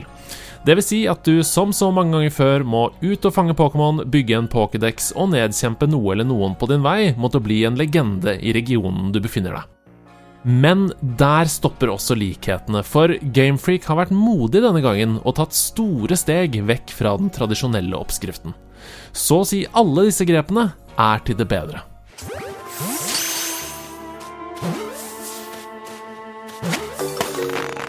Men før vi kommer dit, så er jeg nødt til å advare om anslaget. For det som tilsynelatende virker som en spennende og energisk helt ny start på et magisk eventyr, det viser seg å være en helt grusom lang tutorial på én til to timer med spilling, der spillet gjentar de samme tingene opptil tre ganger før du får lov til å begynne å spille. Det er helt ufattelig mye unødvendig tekst, og på grensen til fornærmende hvordan Gamefreak undervurderer spilleren i denne introen. Mine tanker gikk umiddelbart til Breath of the Wild, som gir deg en Chica Slate i en hule og sier lykke til, en oppskrift som jeg selv er mye mer fan av. Heldigvis så varer Pokémon Legends Arceus i minimum 25-30 timer, så de første to timene de glemmer man fort.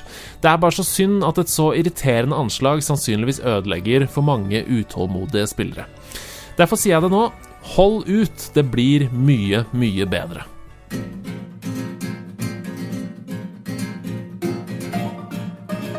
Det første man legger merke til når man slippes løs i denne sonebaserte åpne verden, for det er ikke helt open world, det er at det å fange Pokémon er drastisk forandret. Der man tidligere måtte gjennom en 10-15 ulike tekstplakater, masse animasjoner og musikk for i det hele tatt få lov til å kaste en pokéball mot en Pokémon, så kan man i Legends Arceus nonchalant slenge en pokéball på en Starly samtidig som man plukker blomster eller samler andre ressurser. Starlien blir fanget og sendt til en lett tilgjengelig boks. Alle Pokémon du reiser med på laget ditt, får XP, og alt fungerer sømløst og deilig. Det føles som en revolusjon, rent quality of life-messig. Det neste man innser, det er at Arcus ikke handler om å fange Pokémon, det handler om å studere dem. Hver eneste Pokémon har nemlig ulike oppdrag knyttet til seg, så når du eksempelvis har fanget så og så mange Pichuer, slåss mot så og så mange Pichuer, sett Pichu gjøre ulike moves eller gitt Pichu ulik type mat, så når Pichu research level 10 i pokédexen din og registreres som fullført. Og det digger jeg, for det gir mer kjøtt på gotta catch em all-beinet.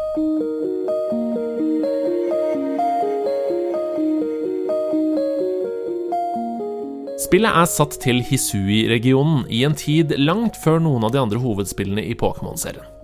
Pokémon og mennesker lever adskilte fra hverandre og er i all hovedsak redde for hverandre. Q, min hovedperson, den tøffe, men sårbare Bibi Bobbis, som våkner opp på en strand i Hisui etter å ha falt fra himmelen gjennom en space-time rift. At Bibi temmer Pokémon i mystiske pokerballer, det syns mange av Hisuis innbyggere er både ubehagelig og skummelt. Historien i spillet handler om menneskers indre kamp, om trangen til makt og styring, i konflikt med det å sameksistere side om side med Pokémon. Det er ikke en uforglemmelig historie fylt av eh, minneverdige karakterer som får deg til å gråte, så spillet har mye å gå på her, men for Pokémon-fans så er det mer enn bra nok. Jeg ble imponert av spesielt ett modig historiefortellingsgrep, der du som spiller og den store helten møter på uvanlig mye motstand fra omverdenen til at dette er et Pokémon-spill.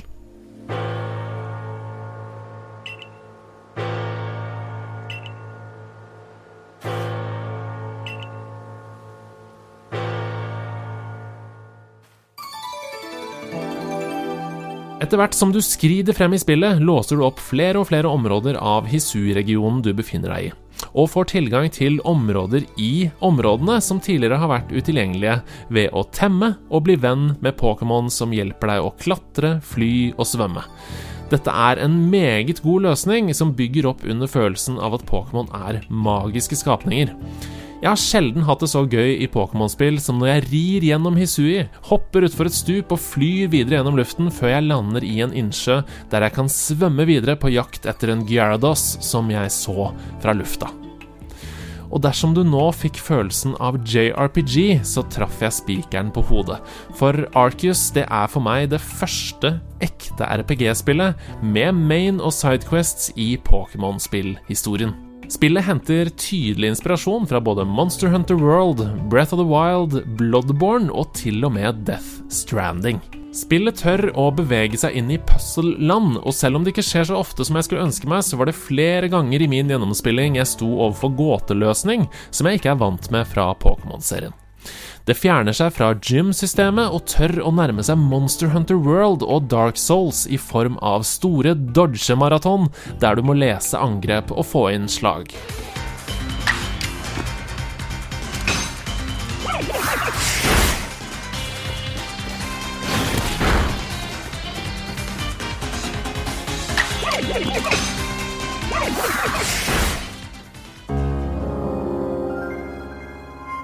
Men Gamefreak har først og fremst tydelig latt seg inspirere av Zelda-serien. Både inventory-system, crafting, fonter, lyder, musikk og landskaper, men også på gameplay-nivå. Det er world events her som er snytt ut av nesa på en Korok, eller mannen bak disken i shooting galleriet i Ocarina of Time. Jeg skal ikke avsløre hva disse eventsene er, men jeg koste meg stort med å spille dem igjen og igjen til jeg fikk den største belønningen.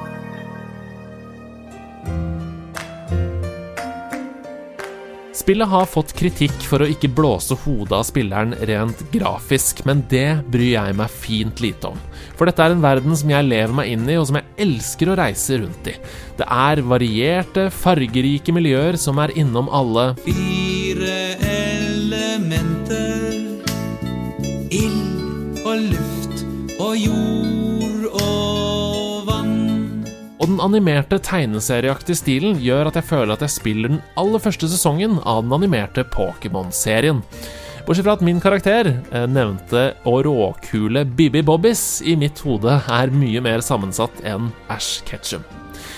Det er klart, det er bare én by her, og det er for lite.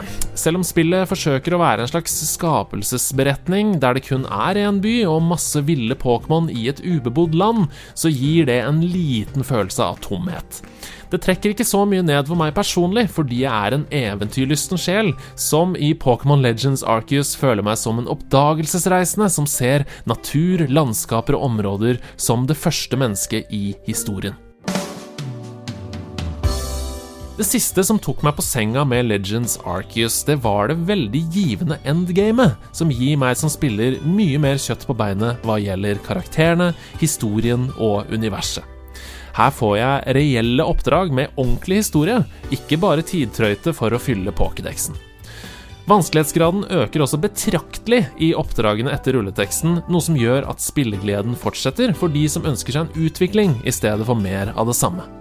Jeg vil faktisk gå så langt som å si at det beste innholdet i Arcus befinner seg etter rulleteksten. Jeg har spilt ti timer til etter den, og jeg er langt ifra ferdig. Alt i alt så er Pokémon Legends Arceus for meg det beste Pokémon-spillet jeg har spilt. Og det sier jeg fordi jeg først og fremst merker hvor utdaterte spill som Sword and Shield og Brilliant Diamond er når jeg spiller Arceus. Og selv om dette spillet ikke får toppkarakter, så dytter det de to nevnte spillene ned en hel del tall på karakterskalaen for meg personlig. Det er ganske bra jobba. Pokémon Legends Arceus er det første forsøket på en ny retning i serien, og den ønsker jeg velkommen med åpne armer. Selv om retningen ikke er helt forløst her, så er dette det første forsøket, kall det gjerne et slags blueprint, som lover veldig godt for fremtiden. Dersom utviklingen fortsetter, så får vi et helt fantastisk Pokémon-spill som skriver seg inn i spillhistoriebøkene i løpet av de neste ti årene.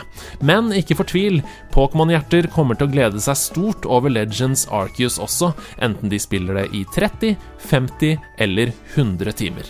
Pokémon Legends Arceus får 80 av 100 hedermenn fra meg, og er med andre ord et meget solid spill for både Pokémon-trenere og andre spillere på laget.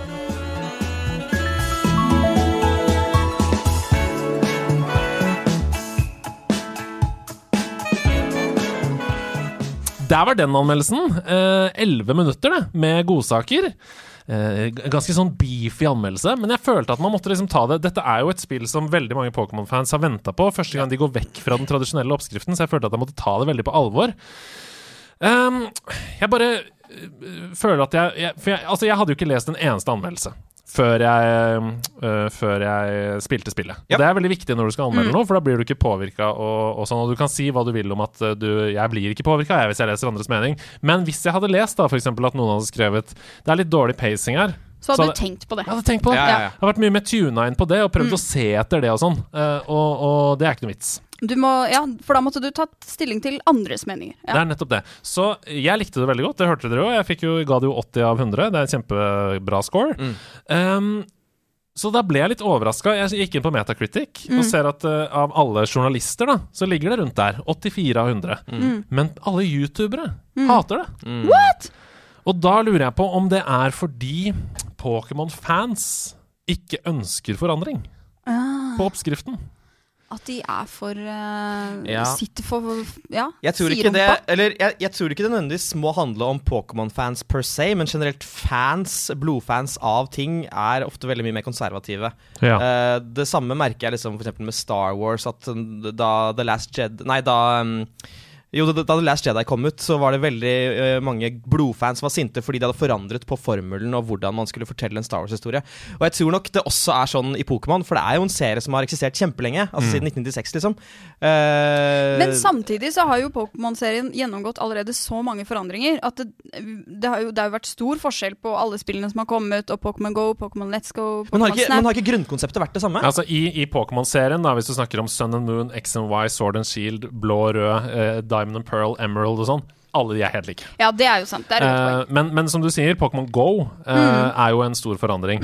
Og, og dette Jeg syns ikke man skal sammenligne dette spillet med de andre Pokémon-spillene, for dette er Altså Det er en grunn til at spillet heter Pokémon Legends kolon Arceus. Eh, og det sier jeg jo i anmeldelsen også. Det kommer sikkert til å komme Legends kolon Saptos eller Legends kolon andre legendary Pokémon fra andre områder um, i, i Pokémon-universet. Eh, så jeg vil heller se på dette som en ny IP, akkurat som Mm. at f.eks. Uh, Super Mario Galaxy eh, og Paper Mario har Mm. begge Mario i hovedrollen. Ja. Og Rabbids uh, ja. Ja. Men det er helt forskjellige sjangre, på en måte. Og så tror jeg at det kommer til å komme flere tradisjonelle Pokémon-spill også, som har den gamle oppskriften. Men jeg tror at de kommer til å fortsette å utvikle denne open world-aktige, oppdagende Jeg, jeg tror det er kjempeviktig fordi folk som ikke spiller Pokémon nå, sånn som meg f.eks. Jeg, har ikke veldig- jeg har ikke så veldig mye trang til å spille de gamle Pokémon-spillene. Mm. Men dette open world-spillet her, det kunne jeg godt sjekka ut. Ja. Og det tror jeg er viktig for å få inn nye fans. Jeg kan si at hvis du liker Breath of the Wild og har et lite samlergen i deg, Mm. så kommer du til å elske eh, Ar Legends kolon Arcus, Mm. tror jeg.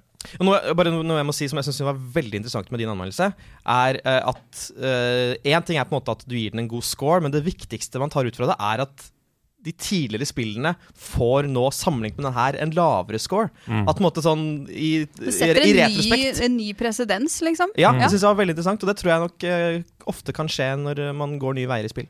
Ja, for det føltes litt sånn at uh, nå ser jeg på en måte hvor uh, mye den gamle stilen har stagnert. Da. Mm. Altså at Pokémon Sword for eksempel burde vært bedre Mm. og, og mer utfordrende. Og spesielt Brilliant Diamond og Shining Pearl, Mm. som jo er remakes, hvor de hadde muligheten til å ta store sjanser. Og ikke gjorde det i Ja. det hele tatt.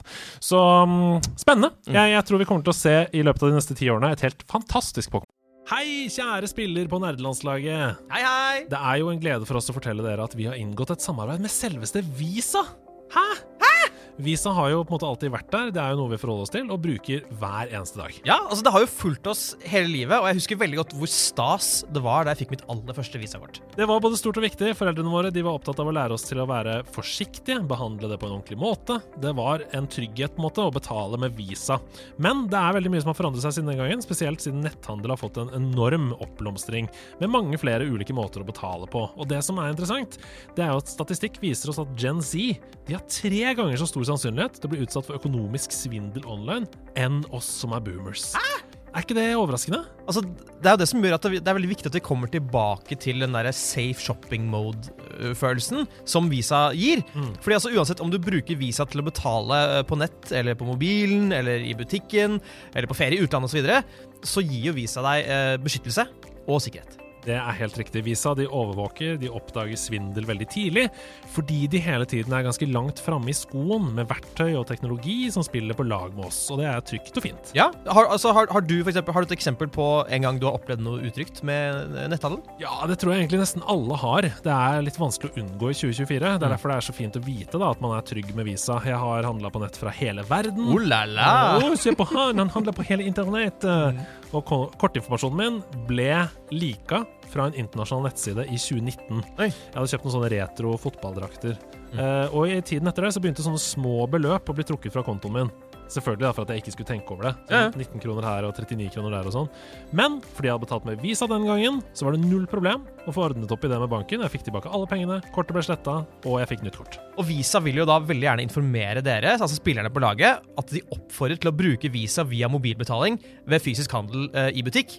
Og hvis du har mulighet til å da eh, legge inn kortet på telefonen din. Og når det kommer til online-betalinger, så anbefaler de å bruke Visa-kortet som normalt. Altså bare legge inn informasjon. Ja, og Poenget med å snakke om det her, det er å understreke for alle dere som hører på, at dere er beskytta mot svindel når dere bruker visakort. Dersom noen bruker ditt visa til uautoriserte online-betalinger gjennom hacking, eller hvis du rett og slett bare fysisk mister eller får stjålet kortet ditt, så står ikke du ansvarlig pga. Visa sitt Zero Liability-program. Så du er beskytta hvis visakortet ditt misbrukes, både online og offline. Og det er veldig digg å vite. Ja, Kjempedigg. Helt enig. Altså, selv om verden føles litt utrygg i 2024, så er du i hvert fall trygg når du bruker Visa til å betale. Enkelte begrensninger til Visa Zero Liability Program gjelder.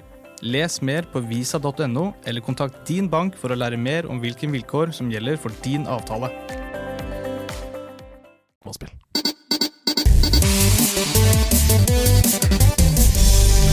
Let's get nerdy.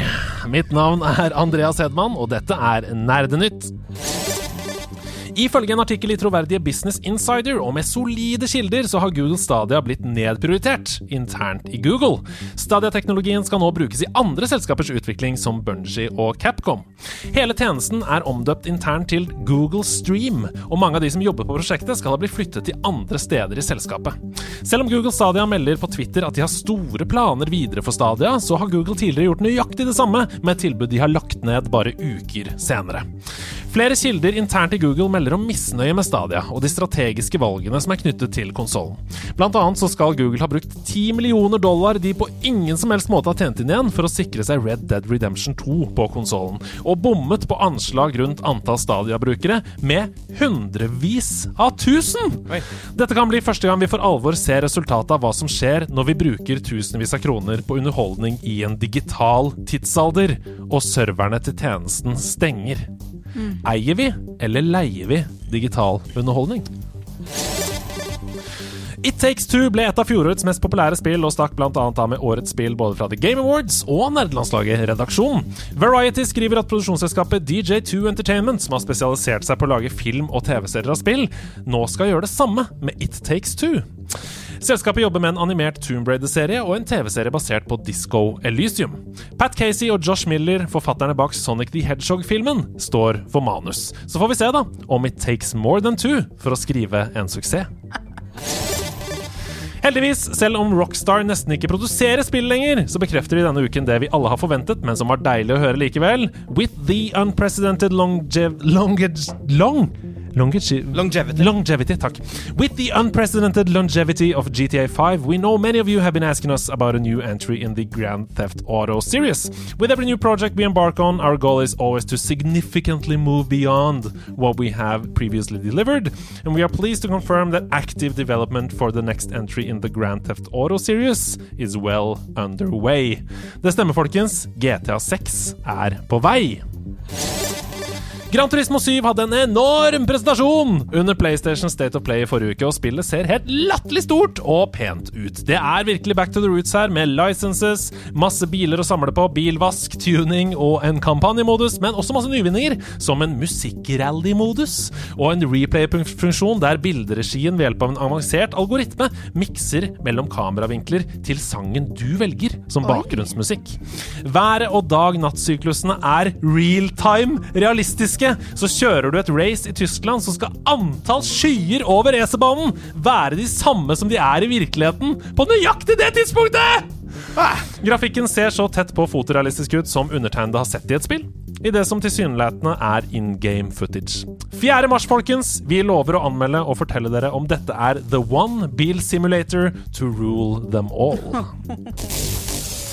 Men ukens hovedsak, som vi skal snakke litt om. Media LT eh, de er ledende innen universal utforming av IKT i Norge. Eh, Og de har nå gjennomført en stor undersøkelse der de har forsøkt å kartlegge og teste underholdningsteknologi for barn med nedsatt funksjonsevne. Eh, Og Resultatet av denne undersøkelsen de er nå klare. De nådde ut til flest synshemmede i undersøkelsen sin, så jeg tenkte vi kunne se på noen av funnene deres og diskutere dem litt. Både fordi det skaper forståelse for problematikk som er knytta til spilling for svaksynte, men også fordi funnene isolert sett er ganske interessante. Så jeg tenkte vi kunne snakke Du er jo pedagog. Ja, dette blir litt som å se på elevundersøkelsen. Uh, hva, hva er hovedfunnene her, og hva kan vi ta med oss? Ja, og først så tenkte jeg vi kunne snakke om et par utfordringer da, som dukker opp i undersøkelsen. Uh, og her er det en uh, som har svart. Dårlige kontraster, altfor mange detaljer i spillet, gjennomsiktige faner med skrift og bilde bak. Eh, knappene på konsollen er heller ikke merket med punkter som man kan kjenne eh, med fingrene. Interessant. Jeg tenker, altså Det mest elementære er jo bare hvorfor er ikke knappene eh, Det ville jeg jo absolutt trodd at det skulle vært. Merka med noe slags braille eller et Mhm. eller annet som gjør at det er enkelt å Ja, Hvis du på kontrollen da hadde hatt en liten sånn bump på X-en, ja. og så to på firkant, Ja. tre på trekant og fire på Ja, jeg tror ikke de store selskapene har lyst til å, å lage det som Altså at det skal være en del av liksom, hovedkontrollen fordi de er redd for at folk skal være sånn Det er ubehagelig med de prikkene der, men at Mm. ikke de kan gi ut en ekstra kontroll med det, Mm. det ser jeg ikke noe grunn til at ikke de skal gjøre. Nei, Det er altså- veldig rart. Ja, det syns jeg er veldig rart. Og så sier han jo også, eller han eller henne, jeg vet ikke, det er anonymt, men uh, sier jo også konsollen. Så Ja. det betyr jo at man da sannsynligvis trykker på av istedenfor eject, f.eks. Hvis man skal Ja. ha ut um, Ja. Og det er, jo, altså det er jo ikke noe problem for oss som ikke er synssvake, å, å ha en eller to prikker på Mm. hva nå enn det skal være. Nei, det nei. Nei.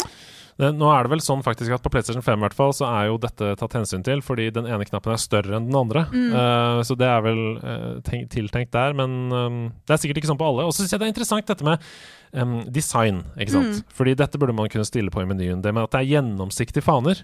Ja. At det, at det er sånn transparent, så du kan se bildet gjennom. Det er jo veldig fett for oss. For oss så er det veldig kult. Ja. Men skjønner, det burde jo også være enkelt. Og kanskje det burde uh, Ethvert spill burde i hvert fall ha en sånn uh, En eh, slags fast uh, option-greie om liksom eh, innstillinger for synssvake. Ja, at du bare kan trykke på en som Ja. av eller på, og så stiller alle innstillingene seg. Ja, at det blir ble sterkere, kontrast og- ja. ja. sterkere kontraster. Ja, for du slipper å gå inn i en og en ting, ja. Mm. Ja, tenker, Er du synssvak fra før, så er, du liksom, så er det sikkert en fana med, med, med innstillingene. er en sånn gjennomsiktig form. ja. At, de, at det samtidig da blir større skrift. At Mm. kanskje fonten kan være litt enklere å lese. For ofte så liksom skal fonten se kul ut, Mm. men ikke nødvendigvis være så lett å lese. Mm. Og det er jo ikke alle fonter som er, eh, som er like gode, hvis man har dysleksi eller hvis man er eh, Mm. synshemmet. Mm.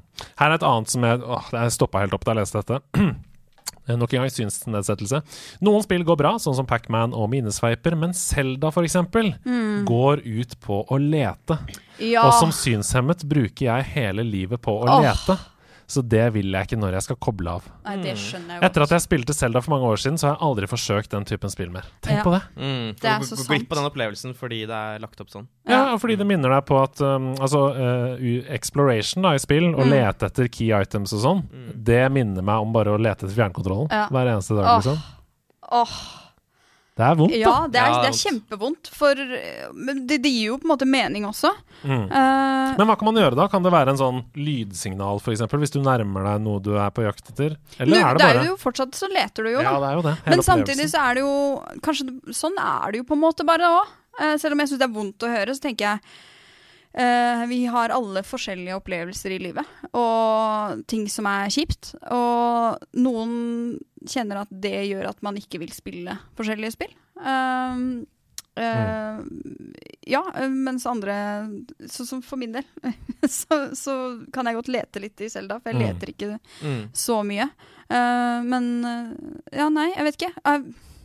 Har man vært i krig, eksempel, Mm. så er kanskje Ja. ikke alle krigsspill Kodet, ja. mm. Det er kanskje en for generaliserende og ekskluderende Ja. eh, greie, men jeg jeg Nei, for Jeg vet ikke om det, om det egentlig finnes noen løsning på akkurat det der. For det er liksom, det er liksom grunnkonseptet til Zelda-spill. Er å, å, å liksom reise rundt og lete etter ting. Så da er det kanskje bare ikke et spill for deg, altså. Nei, og Det som er interessant med dette, det er jo da at når vi snakker om det nå, så får vi jo innsyn, eh, pun, not pun intended, eh, i, i en helt annen problemstilling. Ja. Som jeg aldri har tenkt på før. Mm. Nemlig det at en sjanger kan føles som eh, PTSD, da, nesten. Mm. Um, jeg har tenkt på det i krigsspill, som du sier, men ikke Mm. bare i helt sånne enkle Ja. Nei, det er interessant. Uh, litt om hvilke sjangere som er helt umulig å spille for uh, svaksynte. Um, og her er det en som sier jeg kan spille og like de fleste sjangere når jeg spiller alene, men ofte har jeg lite glede av flerspillermodus, fordi jeg føler det ikke er mulig å spille tilnærmet på like fot med andre. Ja. Eh, Sannstidsstrategispill, som f.eks. Starcraft, er en slik sjanger. Eh, og ikke minst førstepersons skytespill som bruker hitscan. Og hitscan betyr at idet du skyter, så treffer det det du sikter på, Ja. istedenfor at det er en kurve på ammoen. på en måte. Ja. Eh, det er som regel vanskelig å nå opp i. Spill der det er lagt opp til at det skal være vanskelig å se motspilleren, ja. blir ofte irriterende. Ja. Og det er også ganske vrient å gjøre noe med, fordi hvis du skal på en måte i CS, da, for eksempel, hvis du skal lage en modus der det er lettere å se fienden, Mm. eh, så må jo alle på en måte kunne skru på den modusen, og da vil jo bare folk som ser veldig bra, få enda en fordel. Mm. Altså det vil jo på en måte de ville jo ikke tillatt å ha liksom, en kompetativ spill der én sitter og, har, og kan se fienden bedre enn de andre. Nei. På grunn av kontrasten, på en måte. Ja, Det blir jo et veldig lite hva skal jeg si, eh, utvalg av spillere også. Hvis man kun skal ha en egen modus som kun er for syns... Og hvordan skal man kontrollere Ja. at de Ja. som spiller det, faktisk er synssvake, da. Ja. Eh, så ja. Ja, og bare sånn som Nå har jeg jo spilt Tools Up masse. Toplayerspill, genialt. Men det handler jo om noen ganger så må du jobbe liksom bak vegger, og at du ikke ser din egen karakter. Og alt handler om å se hvilken rute som er targeta, med et lite At det er en liten eh, hvit uh, svak rute der. Mm. Det hadde jo vært Når ting skal gå på sekunder, da. Mm. Du har jo ikke sjans. Nei. Til slutt så tenkte jeg å kunne snakke litt om hvilke opplevelser som disse respondentene ønsker seg. Altså hvilke spillopplevelser som synssvake skulle ønske det var fantes mer av. Og her er det litt interessant, for det er en som svarer Jeg ønsker meg flere FPS-spill som Overwatch. For der fins det våpen som virker på helt ulike måter, og som Ja. ikke kun er hitscan. Ja. Og der spillet er balansert rundt at alle de ulike våpnene og karakterene skal være aktuelle å spille. Som for eksempel Torbjørn som har en turret som skyter med auto-aim. Eller da Symmetra som har en som skyter laser. Ja, Det er noe jeg tenker mye på hvis jeg eksempel kommer hjem fra byen og er litt bedugget og har lyst til å spille Overwatch, så kan ikke jeg spille som Soldier som har et uh, hitscan-våpen. Da velger jeg Winston som har en sånn elektrisk uh, kanon som ikke trenger å sikte med. Den bare treffer fienden uansett. Eller Eh, Moira, eksempel. ja. Bare auto. Ja. Så ja, det er helt riktig. Sånne spill tror jeg nok er lettere å kunne ta tak i for folk med synsendinger. Til slutt så likte jeg også dette svaret. Flere lydbaserte eventyrspill. Og da tenkte jeg sånn, hva er det egentlig? Og så svarer vedkommende sånn som Rayman. Og det er jo helt riktig, for det er jo musikkbaner. så du må jo ja, ja, reagere på takt, ikke sant? Det. oh, det er jo Det- Ja, ja, ja. ja. Det er jo Ja. genialt. Og for et fantastisk spill det er. Ja da. Og det er også gøy å høre at det trekkes fram som et um, spill som er bra for synssvake. Mm. For det betyr jo bare at kontrastene er så store, f.eks., mellom karakteren din, altså fargemessig, da, og bakgrunnen. At karakteren din står ut, og, og at du kan bruke musikk såpass mye. Og Beatstar, er det Ja, det er ikke så Kanskje- dumt. Det kan man kanskje skru Mm. på en sånn modus hvor det blir bare veldig store kontraster? Det er Ja. jo enkle former, og du skal følge rytmen. Ja, dere, jeg syns det er viktig å belyse og snakke om de tingene her. Kjempebra. Eh, Og så syns jeg det gir verdifull innsikt i en verden som er ganske ukjent for oss. da Mm. Så til slutt så er det bare for meg å si Let's get nerdy. Oh, yeah. Mitt navn er Andreas Hedemann, og dette var Nerdenytt.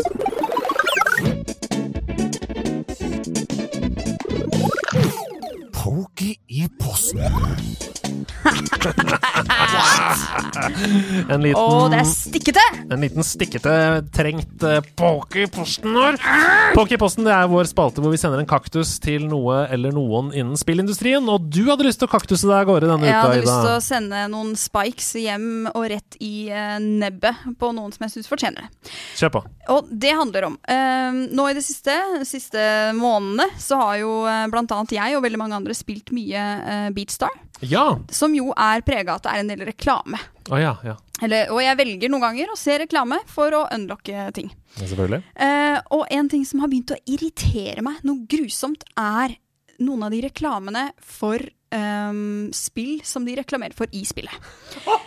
Eh, og det er greit, jeg aksepterer at selvfølgelig, jeg skal se på en reklame, det er greit, det.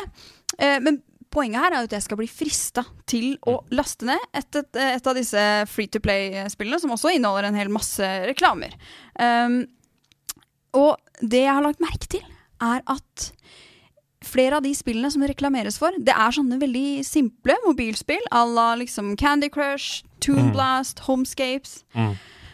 Men jeg kjenner jo igjen, ikke sant? I reklamen så ser jeg det dere reklamerer som et slags gameplay her, det ligner ikke dritten på sånn som faktisk spillet er. Og jeg tenker, har du først laga et, et drittspill? Et mobilt drittspill? Så får du, du får, ja, Vis det, da! Vis, Vær ærlig på reklame nå, hvis du har klart å lage en reklame med gameplay som ser mer spennende ut enn det faktiske gameplayet i det spillet du har laga. Så enten så må du vise ekte gameplay, eller så må du forbedre spillet ditt, da, sånn at det ser like bra ut som det du har, faktisk, konseptet du har klart å lage i den reklamen.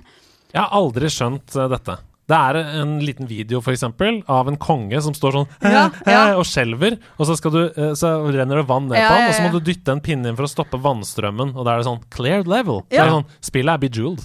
Ja. Det har ikke noe Det med dette å gjøre. ingenting med det å gjøre. Ingenting. Hvor, men hvordan kommer de unna med det? Er Ja, ikke nei, dette villedende Ja, er markedsføring? ikke det, er ikke det Ja, villed, rett og slett villedende markedsføring. Veldig villedende, og dette har de gjort i mange år, så det er tydelig at det pays off, liksom. Altså, de tjener nok penger på tullinger som øh, velger å, å laste ned spillene.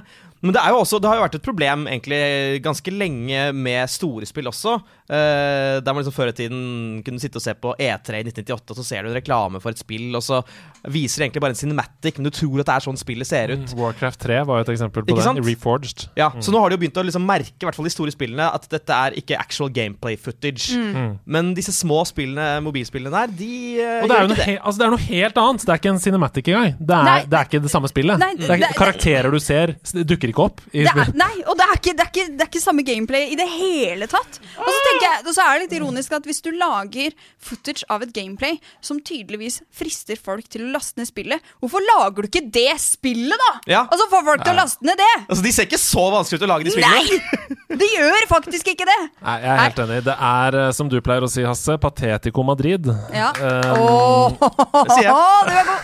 Og eh, veldig bra poker i posten. Jeg stiller meg bak den i full bravur. Jeg tror det blir en kjempestor pokey med masse veldig lange, spisse nåler. Men bare videoen av det, det er en kake.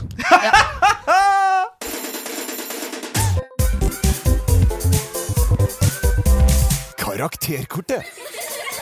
Hjelpe meg. Hjelpe meg. Dette gleder jeg meg til. Det her gleder jeg meg veldig til òg. Endelig er det min tur i karakterkortet. Eh, men er det endelig, da? Fordi jeg er jo elendig på dette. Eh, jeg skal være en karakter. Først så tenkte jeg sånn Er dette fra et spill? Og så måtte jeg google også, så bare ja, det er også eh, Ja. I flere spill så er dette også med. Jeg skal være Bane fra Batman. Ja! Gleder jeg meg til. Oi! Dette gleder jeg meg til. Tar du da tak i liksom eh, Er det en viss Bane? Er det Bane fra Dark Knight Rises? Eller er det liksom Bane fra tegneseriene? Fordi Dark Knight Rises Bane er jo eh, Det er en ganske unik stemme. Dere får, eh, dere får høre hva det okay, er. jeg er veldig, veldig, veldig spent. Eh, Det er en av dere da som skal intervjue meg. Eh, er det noen som har lyst til å volontere? til å Du, jeg har dratt opp, eh, jeg har dratt opp eh, tidstakeren eh, Å ja, du har det? Ja. Ja. Vil du intervjue Hasse, da? Så kan Ja. du ta tiden, eh, Ida. Ja. Ok, da får du bare telle ned. Er du klar? Ja, jeg tror jeg Jeg tror jeg er klar. Du ser du, Vi prøver. du ser litt klar ut. OK? Nå teller jeg ned. Tre, to, én. Ja, hei sann. Eh, hvem er det vi har på besøk her i dag? It doesn't matter who I am.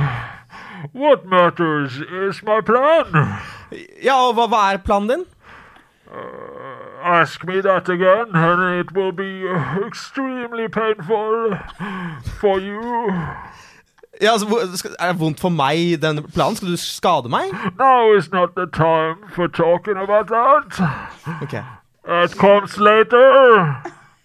Ok, eh, men, men, men, men herr Bain, eh, jeg ser jo at du har på deg en maske. Hvorfor har du på deg en maske? No one cared who I was okay. until I put on the mask. Nei, det gjorde ikke det. Fordi du var en nobody før masken, eller hva hva er greia? It doesn't matter who I am. Du, du vil ikke snakke så mye om deg selv, Ben. Har du en erkefiende? I will break the bat. The Batman. Du du knuse Batman, altså? Og der er tiden ute! Veldig, Altså, veldig bra. Takk skal du ha. Andreas, hva er det du er redd for? Hva er du redd for? Ja. Jeg siterer um, eh, en eller annen kristen norsk artist som jeg ikke husker hva heter. Å, shit, jeg er klam i hendene. Men ikke sant, man får litt hetta når Ja, man er sitter i stolen. Det er, noe, det er noe annet. No one cared. Altså, nå koste jeg meg. Ja, Ja. ja, Å, shit, jeg, absolutt. jeg, vet du hva, jeg skal ikke si noen ting. Jeg skal bare lene meg tilbake og, Ja. um, og høre hva dere har å si. Ja, nå, eh, Du er jo eksaminator, jeg er eh, ekstern sensor. Ja, det er du. Ja, um, så da uh, vil jeg først høre hva du uh, har Jo, å si. Um, nei, altså jeg syns først og fremst altså, uh, at stemmen er eh, veldig, veldig god. Den har veldig mange fine fasetter ved seg. Mhm. eh, og treffer på en måte akkurat de riktige tonene i, i det stemmeleiet som jeg er ute etter. Så Mhm. stemmemessig veldig, veldig bra. Mhm. Ja. Mhm. Hva syns du om innholdet? Innholdet er um, Det er på en måte on point for Bane. Eh, samtidig som jeg følte ikke alltid at, at Bane svarte på det jeg spurte om. Liksom som at Bane hadde bestemt seg på forhånd på hva han Hva skulle er, det, hva er det jeg skal svare? Ja, ja, ja, ja. Um, Og Bane har jo alltid en plan. Han går jo alltid inn. Nå holder du kjeft, Fordi nå er det eksaminator Nå er du på gangen, er du på gangen. Ja. ja. Um, så jeg, jeg, fikk jo veldig mye innsyn i hvordan Bane fungerer. fungerer. -hmm. uh, skulle kanskje ønske at Bane var litt mer villig til å, å, å svare på akkurat det jeg spurte om. Um, men etter hvert så ble det litt bedre, og på slutten så begynte han å snakke om, eh, om Batman og The Bat. Og Mm. Ja. det var veldig kult. I, tro, I tråd med karakteren. I tråd med karakteren. Så ja, innholdet var OK. OK. -hmm. Jeg, øh, jeg vil si at øh, innholdet Uh, var uh, uh, Skulle hatt litt mer kreativ eh, Andreas eh, på banen der, for jeg vet at han, eh, at han kan det her. Så Mm. innholdsmessig gir jeg det en tre pluss. Mm. Mens eh, framføringen, det syns jeg var veldig bra, så jeg gir det en femmer. Ja. Så jeg ender på en, en firer der. Ja, jeg må stille meg bak det. Jeg syns uh, framføringen nærmer seg ja, sånn fem pluss. Mm -hmm. uh, at innholdet kanskje burde holdt Altså eller, gått litt mer vekk fra manus. Ja. Um, så jeg Da ville du kommet veldig fort veldig langt. Da Ja, vi ja, endt ja. på en firer der, og da har vi vippa opp til en femmer totalt, tror jeg. ja, så jeg ender også opp på en fire. Ja! Jeg er Du er god! Jeg er kjempefornøyd! Fire! Ja. Jeg fikk fire i bein! Det er beinhardt. Det er, det er beinhardt! Å, Ida, du beviser gang på gang hvorfor du er et fullverdig medlem av nederlandslaget.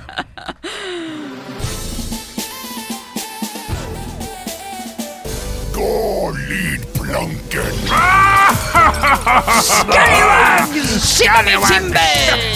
Gå inn i borgen! Vi er i Gå lydplanken, og det er ikke jeg som skal gjøre en dritt i denne Nei. oppgaven, annet enn, å, annet enn å være med og, og gjette. For det er du, Ida. Det er jeg, DJ eh, Rum and Coke, som eh, skal eh, by på noen musikknøtter i dag. Det er en Ibiza-DJ, det. Ja. Det er faktisk uh, Caribbean-DJ. Uh, Ah, DJ. ja, ja, selvfølgelig er det det. Ja. Å, jeg er spent. Ja, jeg syns det er veldig gøy at du får konkurrere litt, uh, Ja, er du gøy. og Andreas. Det er gøy. Så jeg har tatt meg uh, dette ansvaret i dag. Ja. Skal vi bare kjøre rett på? Kan dere, skal vi forklare spillereglene Forklar reglene til først? Ja. Uh, jeg har med tre eh, hovedlydoppgaver som vi spiller av. Dere skal da gjette, eh, si navnet deres og gjette hvilket spill dette her er. Det vil da bli fulgt opp med en eller flere uh, tilleggsspørsmål knytta til dette spillet. Eh, og det er da om å gjøre å ikke være den som uh, får uh, flest skritt ut på lydplanken om å ta oi, oi. seg en dypp ned i uh, musikkmyra. Spist av G-nøkken. Å, G-nøkken nedi musikkmyra. Ok, men se om du bare rope navnet mitt med en gang vi skjønner hva det er. Ja. Skal, skal jeg bare trykke start? Du, er du, er du klar, Hasse? Jeg er klar. Hva er ditt navn? Eh, has... Has... Hasse. Hasse. Veldig bra. Hedo, Da er, da er vi klare. Okay. Kjør. Og hvilket spill? Hvilket spill er dette? Andreas. Mm. Det er Pokémon. Hvilke Pokémon da? Pokémon blå, rød, gul. Eh, ja, vi, vi sier den eh, Det er Pokémon. Det er Pokémon, det er Pokémon, altså. Men er det riktig? Po- Du, du, du, du, Nei, jeg tror, dro på jeg, det? nå, nå ble jeg så usikker på om det er det samme i flere spill, men det her er jeg, jeg, egentlig fra Jeg søkte opp eh, et annet eh, Ja, for du har helt rett. Det er ikke den samme fight-musikken som i rød, blå og gul. Kanskje du skal få ekstrapoeng hvis du klarer det, da? Det er gul. Det er eh, Pokémon Silver, så Ah, okay, eh, Silver. Oh. Silver Gold. Så du får det poenget, Andreas. Jeg merka nå at det er urettferdig at jeg kan stoppe musikken ja. Mm. med Det en jeg gang. absolutt Fordi jeg sitter er her. Så kanskje og fra nå av så må du si 'stopp musikk'. Altså, Ja. uh, jeg, jeg bare, når jeg trykker enter, så er jeg meg vekk Ja. fra det, og så roper jeg navnet mitt Yes. isteden. Ok. Okay. Uh, Men det var riktig. Det det var, det var veldig, veldig okay. bra. Uh, Jeg kunne aldri tatt kan en av dere ja, Vet dere hvor mange poeng dere har sjøl? Ja, ett poeng til meg. Ett poeng og Ja. null poeng til meg. Ganske lett så langt å holde styr. Ok, oppfølgingsspørsmål. Ja. Som kjent så kan majoriteten av uh, Pokémons De kan utvikle seg, altså evolve. Mm. Men det er én Pokémon som visstnok kan devolve. Hvilken? Altså Ja. Uh, Mewtwo. Feil. Andreas, vil du gjette? En Pokémon som kan devolve ned til noe dårligere enn seg selv. Eller hvis den allerede har evolva, så kan den gå tilbake.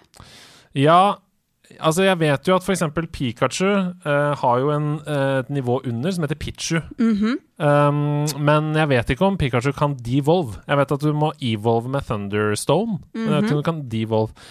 Eh, det høres riktig ut også at eksempel Porygon, som jo er bare en dataskapt på Pokémon, robot, kan også devolve.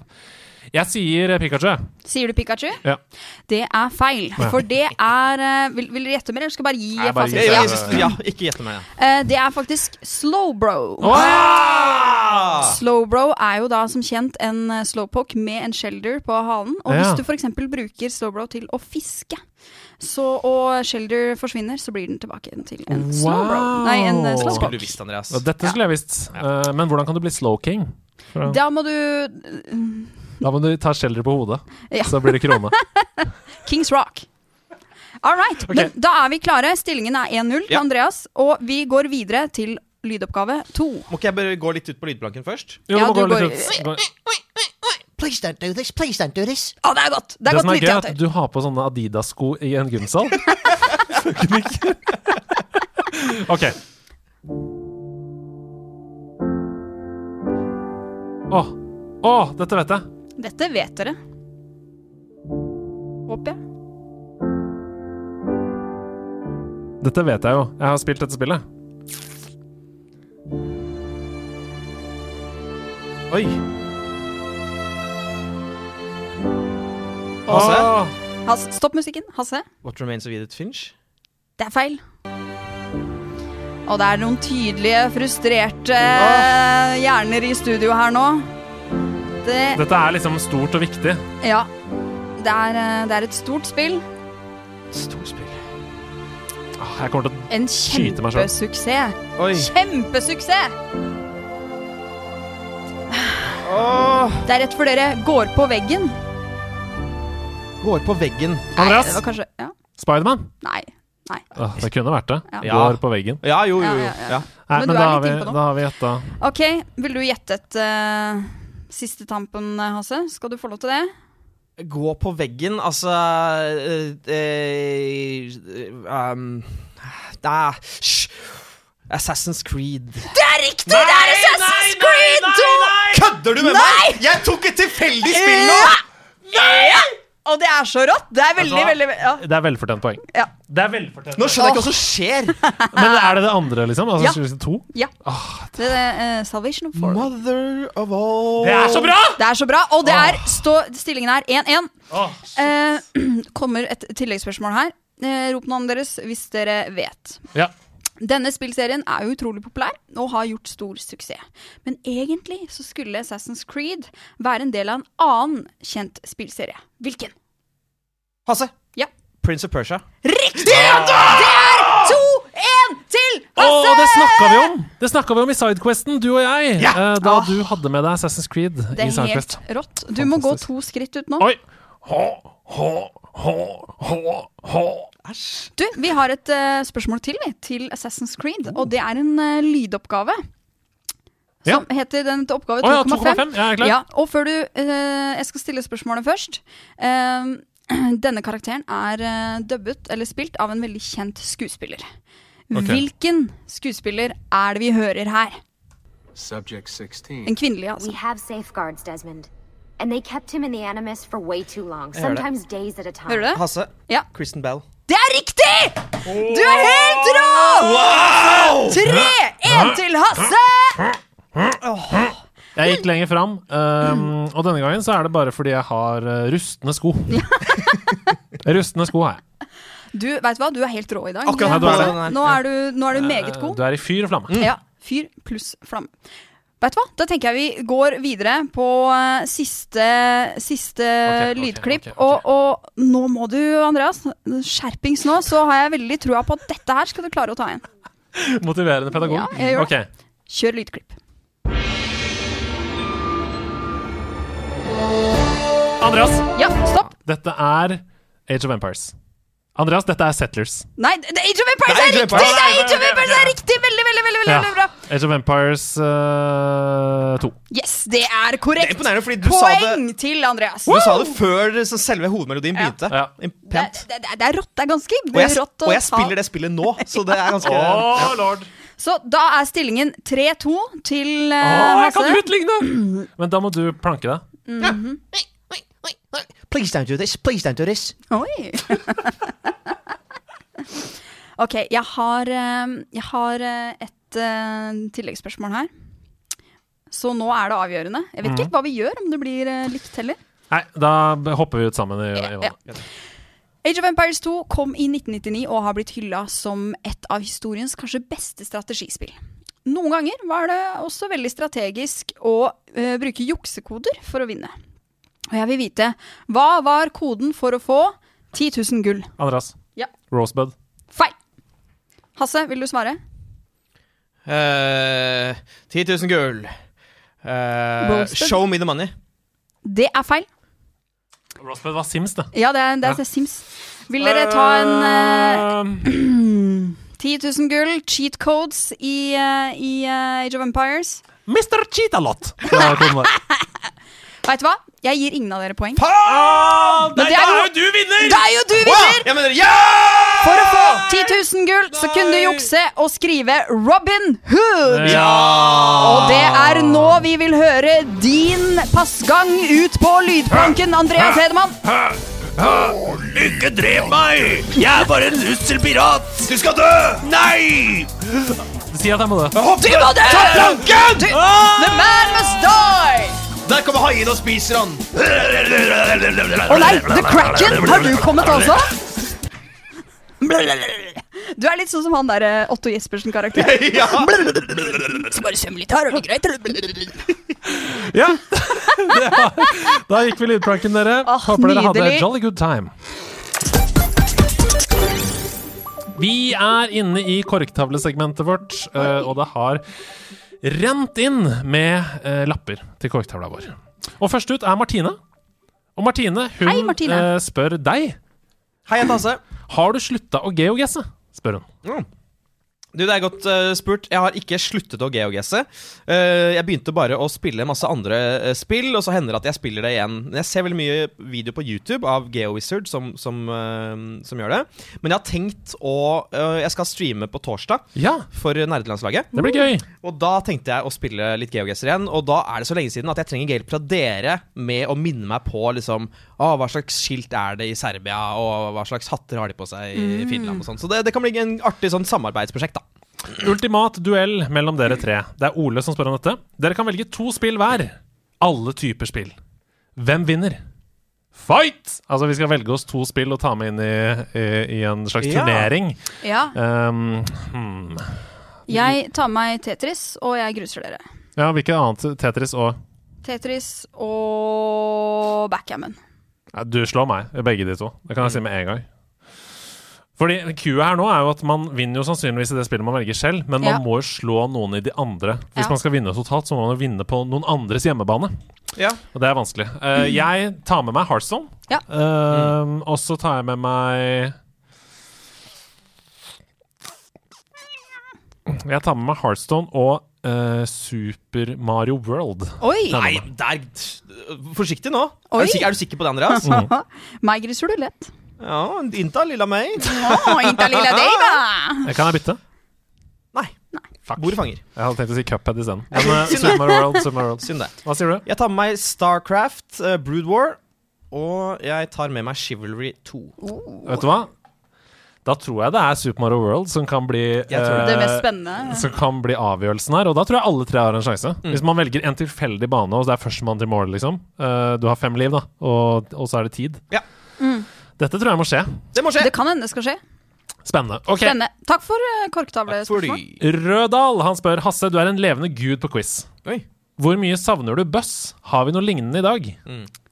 Sanne Bøss Masse, det var jo stort på PlayStation 2 og litt på PlayStation 3. Og så har liksom den spillserien dødd uh, ut av en eller annen grunn. Og jeg vet ikke om noen gode erstatninger, i hvert fall ikke på konsoll. Det finnes jo masse sånn quiz-apper og sånn, men uh, nei. Vi trenger å få tilbake det der. Og jeg, jeg er veldig gjerne stemmen. Veldig gjerne stemmen. Og det er en veldig bra casting. Ja, Ja. takk. Jeg er enig i det. Hasse snakket i første episode om fysisk trening. Ikke tremenning, eh, trening. Ah. Fysisk trening. Hvordan stiller dere to andre dere til tema? Altså Ida og jeg. Hvordan stiller vi oss til fysisk trening? Jeg vet at du har vært gjest hos Muskelnerdene. En Det podcast. har jeg. Jeg har ikke trent på Jo, vet du hva? Det er uh, ljug. Jeg trente veldig mye da jeg var liten. Uh, trente veldig mye langrenn. Gikk aktivt langrenn. Og så har jeg slutta å trene, for jeg ble veldig lei av langrenn. Og så nå i det siste så har jeg flytta, og så har jeg jogga et par ganger. Men det er ikke trening. Det er det ikke. Nei, litt fysisk fostring. Ja. Ja. Jeg, eh, jeg hogger ved. Det er det nærmeste jeg kommer trening. Mm. Som jo er eh, god trening, Mm. tenker jeg. Eh, personlig så eh, Jeg eh, gjør så mye. Nå kommer denne unnskyldningen. Ja, ja, ja, ja. Ja, jeg jobber 100% Jeg tar en master. Jeg eh, driver et band, og jeg er med i nerdelandslaget. Trening akkurat nå? Eh, nei. Men jeg prøver å være fysisk aktiv. Jeg går i stedet for å ta buss hvis det tar mindre enn eh, Hvis det tar um, opptil tre kvarter å komme seg dit. Veldig bra. Dere er strandet på en øde øy uten mat. Hvilken spillkarakter vil dere helst ha spist? Hilsen Simen. Ok. Uh, uh, jeg tenker Har lyst til å spise litt Vet ikke, jeg. eh, Å nei. Altså, fordi ja, man, man må tenke både på at det skal være mye mat, så det burde Mm. være en karakter som er ganske stor, men uh, den må på en måte også være prosessert, for du kan ikke spise på en måte en, en rå hva, Snorlax? Snorlax, på en måte. Jeg tenkte litt på Ditto, jeg. At jeg kunne godt Ja, det er lite mat. Nei, men jeg føler Ditto er, eh, er Den tror jeg bare Hvis du tar litt ut av Ditto, så, så blir det bare Det bare popper opp igjen. Og så tenker jeg det er sånn så Litt av Ditto kan bli hva som helst. Ja, ja det er, go- det, jeg skjønner teorien. Jeg skjærer av litt i hjørnet, og så Eller han spør hva vil du ha. Nei, jeg vil ha biff og bearnés. Jeg skjærer av litt i hjørnet, og så er det smaker som biff Ja, og bearnés. sånn, ja. Jeg skjønner hva du mener. Så Ditto må på en måte ta formen som biff og bearnés. Så Ja. må, Ditto må da se en biff og bearnés, så du kunne bare spist. Ja, eller kanskje han har sett biff og Bernet før. Ja. Ja. Jeg uh, hadde Jeg først tegner en tegning og viser. Nå ser biff og Bernet ut. Dette blir papir. Jeg um, Først så tenkte jeg enten Kratos eller Duke Nukem. Mhm. For det er masse muskler, og Mm. muskler er jo kjøtt. Mm. Ikke sant? Så da kan jeg steke en liten bit etter en bit etter en bit og få i meg de proteinene jeg trenger og sånn. Men da begynte jeg å tenke, hvorfor ikke bare ta en eller annen svær elefant eller noe Ja. fra et annet spill? Altså et eller annet enormt dyr, da. Husk at uh, de, det er planteeterne som er gode å spise. Carnivores, ikke noe gode å spise. Ja, det stemmer det. Det er faktisk veldig, veldig sant. Eh, jeg husker at jeg på 90-tallet så spilte jeg et eh, spill som kom med Happy Mealen min, som var et McDonald's-spill. Der du kunne annet spille som The Hamburglar. Ja. Eh, og den er jo da på en måte ferdig stekt. Den har deilig saus på seg, ost, masse greier. Jeg velger den, for da slipper jeg å koke det og steke det. Og alt det Du, du, bra. Hvis du vil ha et fullt måltid, ta Farfetch. Da får du både purre og kylling. Ah, det er god! Hei, Hattifnatter, eh, sier Super-Karlsen. Oi. Har dere en bok dere liker, som dere burde lages spill av? Kødet går, skriver han. Du er jo litt eh, den litterære av oss, eh, utvilsomt. Du har nok lest flest bøker i denne gjengen her. Han ser på meg. Uh.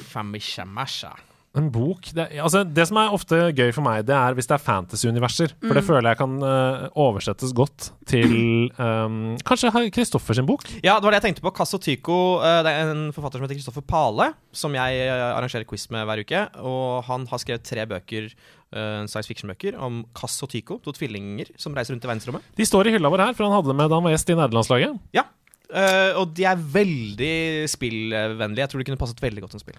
Jeg sier boken 'Kompis' ja, av den eminente forfatteren Hasse Hope. Hey! Det hadde vært et gøy spill! Ja. ja. ja Og da, da skal jeg være sånn kjip og ikke nevne noen jeg kjenner, men okay. si at uh, jeg er veldig glad i Hitchhiker's Guide to the Galaxy-bøkene, ja. og det tror jeg hadde vært et Ja. veldig, veldig veldig kult spill. Ja, mye humor. Ja. Kjapt. Uh, Ke Foldoy, favoritt Wes Anderson-film? Eh, oi, er det fordi jeg hadde Da må jeg vel si uh, uh, Life Aquatic.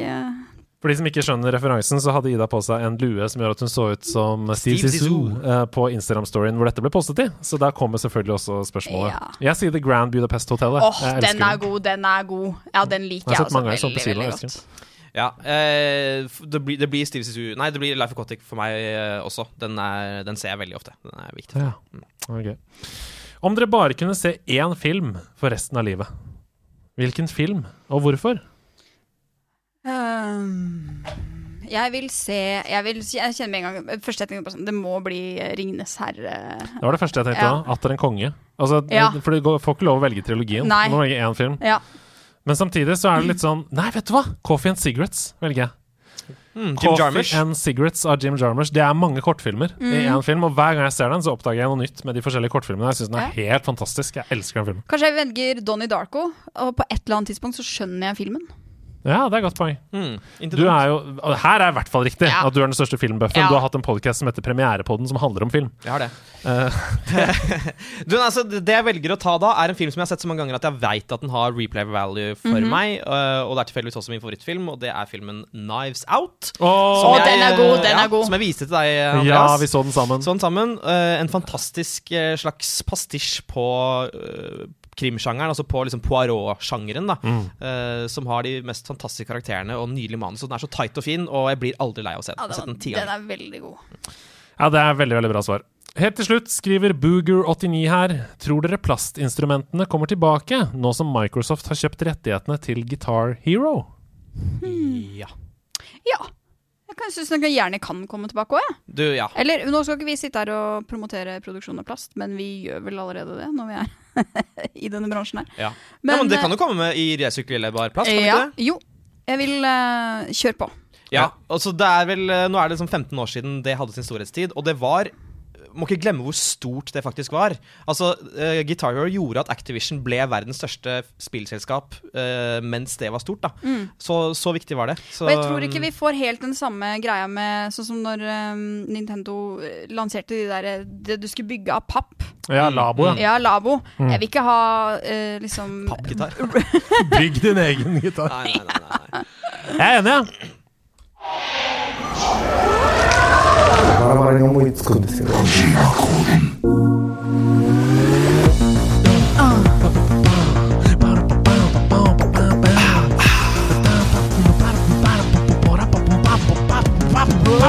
リオ自慢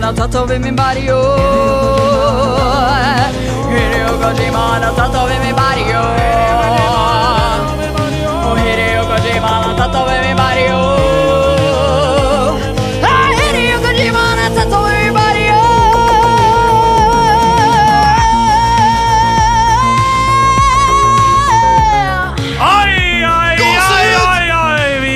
ned i Tokyos lasrete underverden, og Kojima-koden består! Og når vi er tre programledere, så vet dere hva det betyr. Det betyr tre unike Kojima-koder, og at Hidio Kojima har vært både eh, på din side av byen, på min side av byen og på din side av landet Uh. for å ta bolig i vår kropp. Ja! Er det noen som føler seg kallet til å lese den første Kojima-koden? Ja! Ida! det satt litt langt inne, men det kom til slutt. Ida, da, eh, Hasse, la oss jobbe sammen. La oss tune våre hjernebølger inn, og så prøve vi å løse Kojima-koden. Jeg har ett tips, jeg. Let's get nerdy. Ah, ok. okay. Det er to Det er bare to uh, hva, hva kaller man det? Vers. Vers i Ja. denne koden. Men Ledd. det første verset er litt uh, Første leddet er litt langt. Ja, et langt ledd. Langt ledd. Alle snakker om Squid Game som om det var noe nytt. Jeg har vært her lenge, men jeg har holdt meg skjult. En, to, tre, fire. Fine frøkner oppi tårnet, la det regne. Lage regn med dem. Om det er fire fine fyrer, spiller ingen rolle, for det er ingen andre jeg heller maler denne byen rød med. I alle dager. Ok, Squid Game. Squid Game altså, det handler handler om å drepe Altså, Er det noe Battle Royale-aktige greier? da? Det kan det være. Og så kan det være mange forskjellige minigames Ja, i på en måte det ett spill. Eh, men det mye som står på spill. Male byen rød. Da tenker jeg Splatoon, Splatoon med en gang. Men Fire fine frøkner. Ja, det kan også være dudes. Om man Ja, men- er på et lag. I, I Mario Party er det fire fine frøkner der. Peach eh, og Men male byen rød? Det er fire på et lag i Splatoon. Ja. Er det ikke det, da? Og det er samme om man er mann eller kvinne. You're a squid now, you're a kid now Ja, fordi det er jo squids i det spillet, er det ikke det?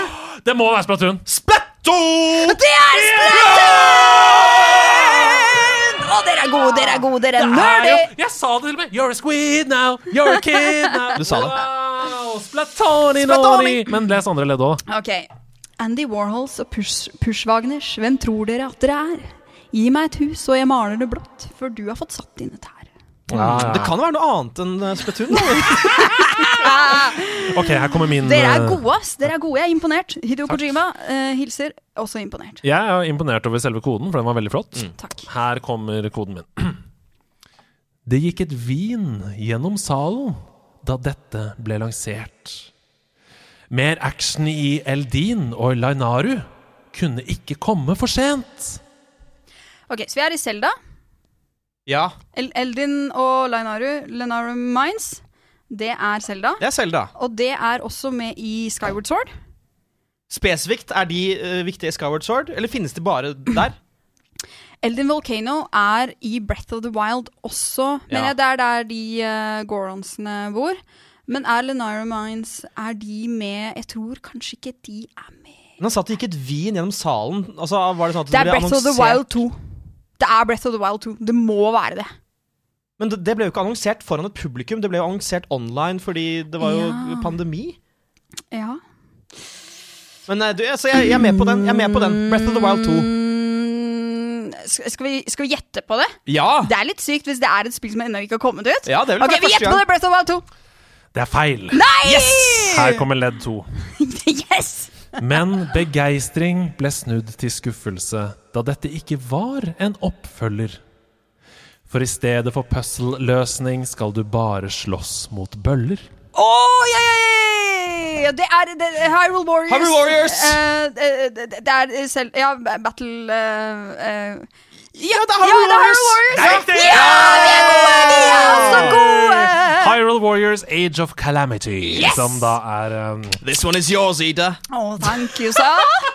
Thank you. Veldig bra jobba! Veldig bra. Takk, like måte. Ja, like måte. Hideo lurte dere ut der, og så henta dere inn. Men du kunne jo stedene. Ja, Fantastisk. Ja, jeg er dypt inn i Skyward Sword nå, vet du. Okay. Haseo Kojima. Ja, jeg har valgt eh, Det er tre ledd her. Oi. eh, fordi jeg har valgt at det første skal være veldig vanskelig. Oh, Hvis dere tar det på første ledd, så skal det nok vanke noe fine greier på dere. Oi, oi, oi. Ok. Opprinnelig på verdens største maskiner. Den ruinerte Jeg begynner på nytt fordi jeg sa feil. Opprinnelig på verdens største maskiner. Den ruinerte nok et barn eller ti. Men så tok den turen til Oreo Noga. Og da den et household name ble, kan du si. Ok, Verdens største maskiner, det må, er det i fysisk form, eller er det i antall solgte? Nei, jeg tenker i fysisk form, men, Ja. men den tok en tur til Orion nå. Det kan være Pacman. For det var jo på arkademaskiner, Ja, ja, og så gikk, tok det over til Nintendo. Ja. Ehm, men Eh, når han Oreo Noga. Det aner jeg ikke hva Det er så typisk kassa å sånn Det betyr Sega Dreamcast på Japansk. Men, men eh, når han sier 'ruinerte', så tenker jeg at det er det, det, det ruinerte, og at det er noe ruins. Altså, det, ah, ja. ja. på engelsk. Ja, nei, jeg tror, Jeg det, jeg tror det var bare for å spesifisere at det ikke var urinerte. han Ja, å, å, eller- ja, ok. Eh, opprinnelig på en av verdens største maskiner. Den ruinerte mange barndomstimer eller et eller annet i den gata. Den ruinerte nok et barn eller ti. Ruin, ja, så det, Oi, oh ja, ja, for Arkade! Du, du putter penger på maskinen. Så tok den veien Mm. uh, Den tok veien. Så tok den turen til Oreo Noga. Nei, men det er, ok, det er en Arkade-ting. Ja, ja. Enten er det Bomberman, eller så er det uh, Galactica eller noe sånt. Eller så er det Pacman. Eller kan det være- Asteroids. eh, Donkey Kong var jo også Donkey på, Kong, ja. eh, Jeg vil ha et svar. Halla. Halla, damer. Ja. Donkey Kong, ja. Det begynte, for det begynte på Arkade. Jeg gjorde ikke det. Donkey Kong eller Pacman? Vi sier eh, Vi sier Pacman. Dere har tatt feil Fuck, i vi sa Donkey Kojima-koden, og dere skal Å, nei. videre til ledd to. Ja! ja, ok. Ja! Ok. Videre til ledd to. Da fikk vi ikke premien! Han sa hvis vi Å, klarte ja, det. unnskyld! Det går fint. Ja, kan vi får fortsatt få en gang. Få premie? 39 karakterer du kan jo her spille. Ja, Send dem i kamp og be til din gud. Men husk at om en av dem blir altfor skada, så kan du den få bytte mot en friskere dude. Oi, Det er først, ikke for først så tenkte jeg Super Smash, men det kan du ikke. Du kan ikke bytte karakter underveis i Super Smash. Jeg trodde han skulle si 'som blir den slått ut av Ja, banen', ja. Fordi det skjer jo hvis det Men du kan bytte. Eh, Du kan jo bytte inn noen fighting-spill. Altså Mhm. du øh, liksom tappe inn en annen karakter. Street Fighter, Tekken, uh, Streets of Rage Se, um, Oi um, Turtles. Turtles begynte også på Arkade. Gjorde du det? kan bytte ut Kan du det? Jeg har ikke peiling. Det er ikke Ah, det er så ikke- mange å velge mellom! Ja, men jeg synes at du, det, virker, det, det fremstår for meg som at du gjør en veldig god uh, elimineringsprosess og en tankeprosess rundt det her. Ja. Og du lander på Turtles. Nei, jeg veit ikke, ass. Du, du kan jo bytte i Turtles, men En friskere dude. Ah. Og dude, er jo Turtles-greie! Ja. Ja. Og dudes Dudes Kawabonga. Skal vi ikke bare gjette på Nei, det er en, fordi dude føler jeg nå er noe annet igjen. Jeg føler det er en sånn Men greie. 39 karakterer, sånn. Det er ikke Ja, Turtles nei, det er i det hele tatt. Det, må, Mm. det, det er en roster her. Uh, Street Fighter, eller? Det er ikke 39 karakterer. Dere svarer Street Fighter. Ja, Vi gjør det.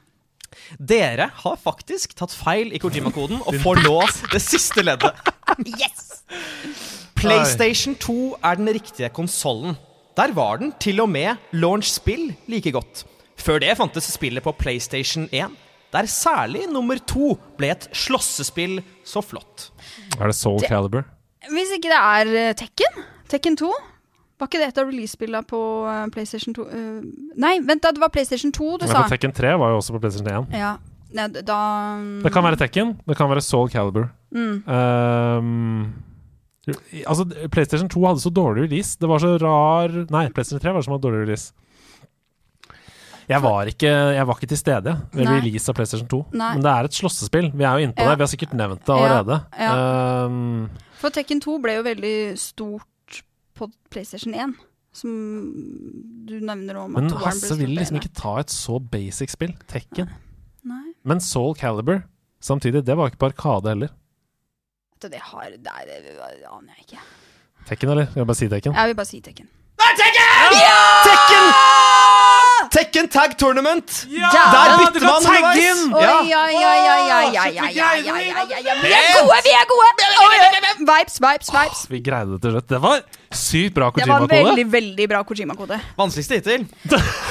det så jeg nå. Wow. Og jeg bare sier at Det med Oreo Noga Det er ingen som vet hvem det er, men det var sånn sjefen for Sony på, på 90-tallet. Så det er umulig å vite hvem han er. Det er Men fantastisk. det er jo fordi du også er CEO for Nintendo. At du vet det. Det er den første tirsdagen i måneden. Mm.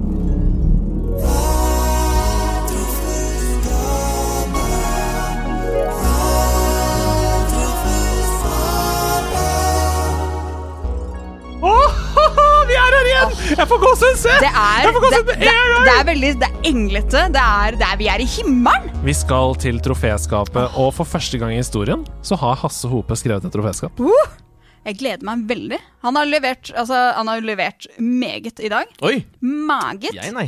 Å, jo.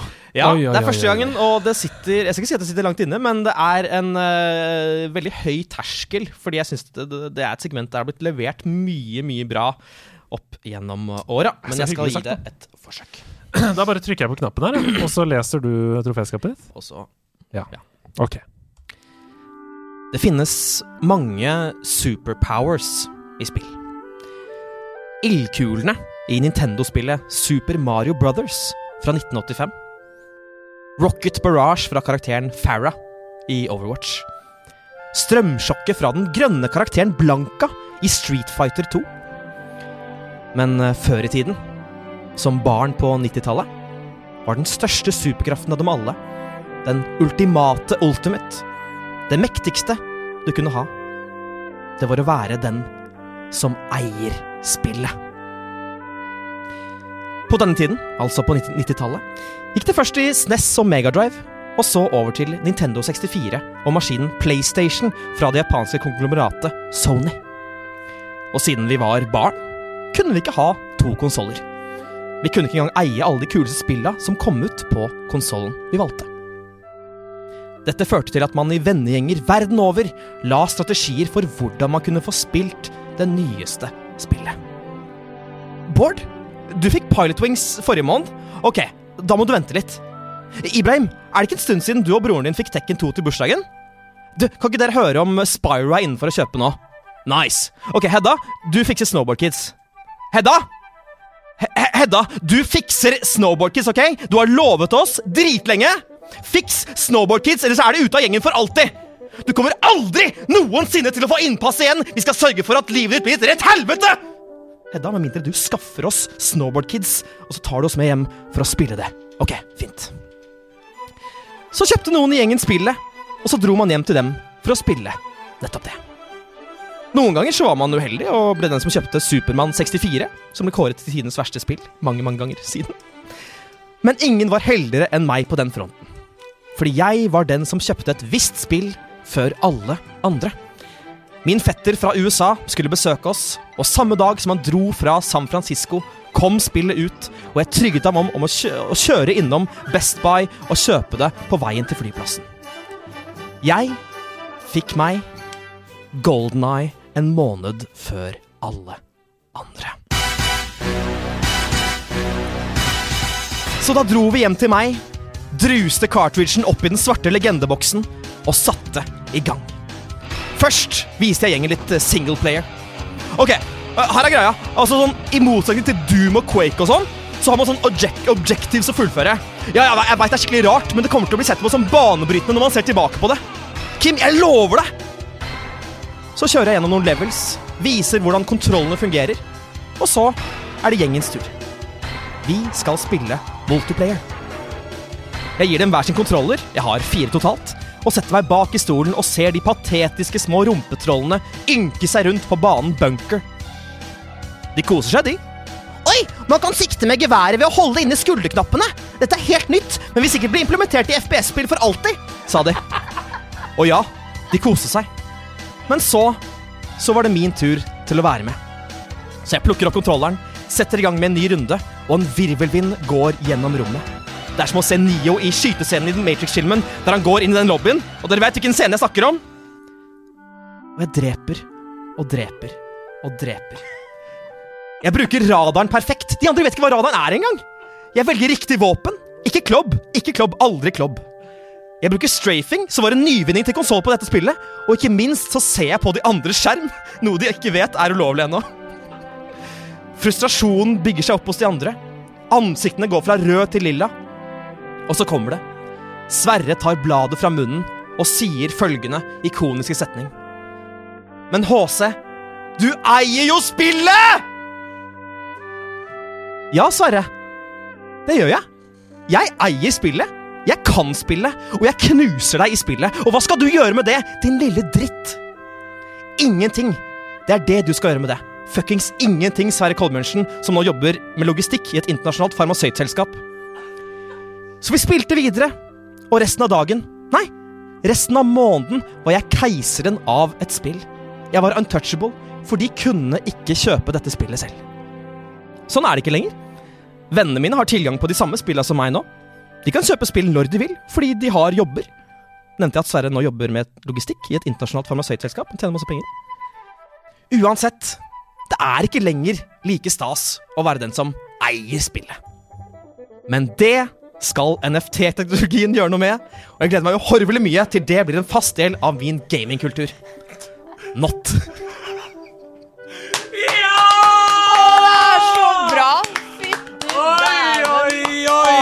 Er helt fantastisk! Wow! Du hadde jo, Meget! Meget! du hadde jo ingenting å bekymre deg for. Nei. Dette er et av de beste troféskapene jeg har hørt. Dette er, eh, er helt rått. Det er helt fantastisk, og den følelsen av at eh, Hvem var det det gikk utover som måtte skaffe snowboardkids? Det var Hedda. Hedda. Ja, og det er helt sant. Hedda måtte faktisk kjøpe Snowkids, og så viste det seg at det var ikke så fett. Oi, oi, oi, dette var blast from the past på så mange måter. Ja, det er deilig. Ja, og jeg hata jo å dra hjem til Magnus Bea og spille Golden Eye, for han eide jo spillet. Ja. Helt Men- umulig. Men kan man sammenligne det litt med vi, får, vi er jo veldig heldige, for vi kan noen ganger få litt den følelsen når vi får sånn anmelderkode Ja. og sånn. Ja. At vi, vi, vi eier Vi eier spillet! Det er faktisk den eneste måten å få den følelsen igjen på. Det er det. Ja, faktisk. Wow, nei, dette var Vi utrolig skal alle hjem til deg etterpå og spille Pokémon Arcus. Det skal vi. Nå, nå finnes det jo for alle, da. Men jeg eier jo spillet, så jeg har kommet billigere. Tusen takk, Hasse. Ja. Tusen takk, Ida. Vi er ved veis ende i nerdelandslaget. Er vi det? Det er uh, alltid trist, men også fint, fordi det er en deilig to timer vi har hatt sammen. Det er en god følelse inni Ja, det er en god følelse. Vi har ladet opp, og nå Ja. er vi klare for å gå ut og spille mer. Og nå må vi jo se hvordan det har gått med curlingen. Nå må jeg, nå, Mhm. nå, nå må jeg google før vi, før vi slutter her, så må jeg google hvordan gikk det med curlingen. VG.no. Uh, I finaletrøbbel, står det her. Mhm. Oi. Eh, Ah, okay, ok, men det er ikke over Det er ikke over. Eh, Italia leder 7-3. Bra. Det er, det er, ja, det er eh, nesten- det er spennende. Det er kjempespennende Nesten mulig å vinne. Så, men, men det blir i så fall sølv! og Ja, det er og det er helt rått. Det er helt rått. Tusen takk for at dere har hørt på. Gå inn og følg oss på Discord. Kom og heng med oss på House of Nerds. Vi er her hele tiden. Eh, Hele tida. Hasse, har du lyst til å si noe til slutt? Ja, dere er skikkelig bra, bra folk, og det er vi også. Ida?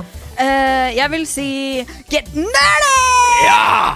Ha det! Ha det!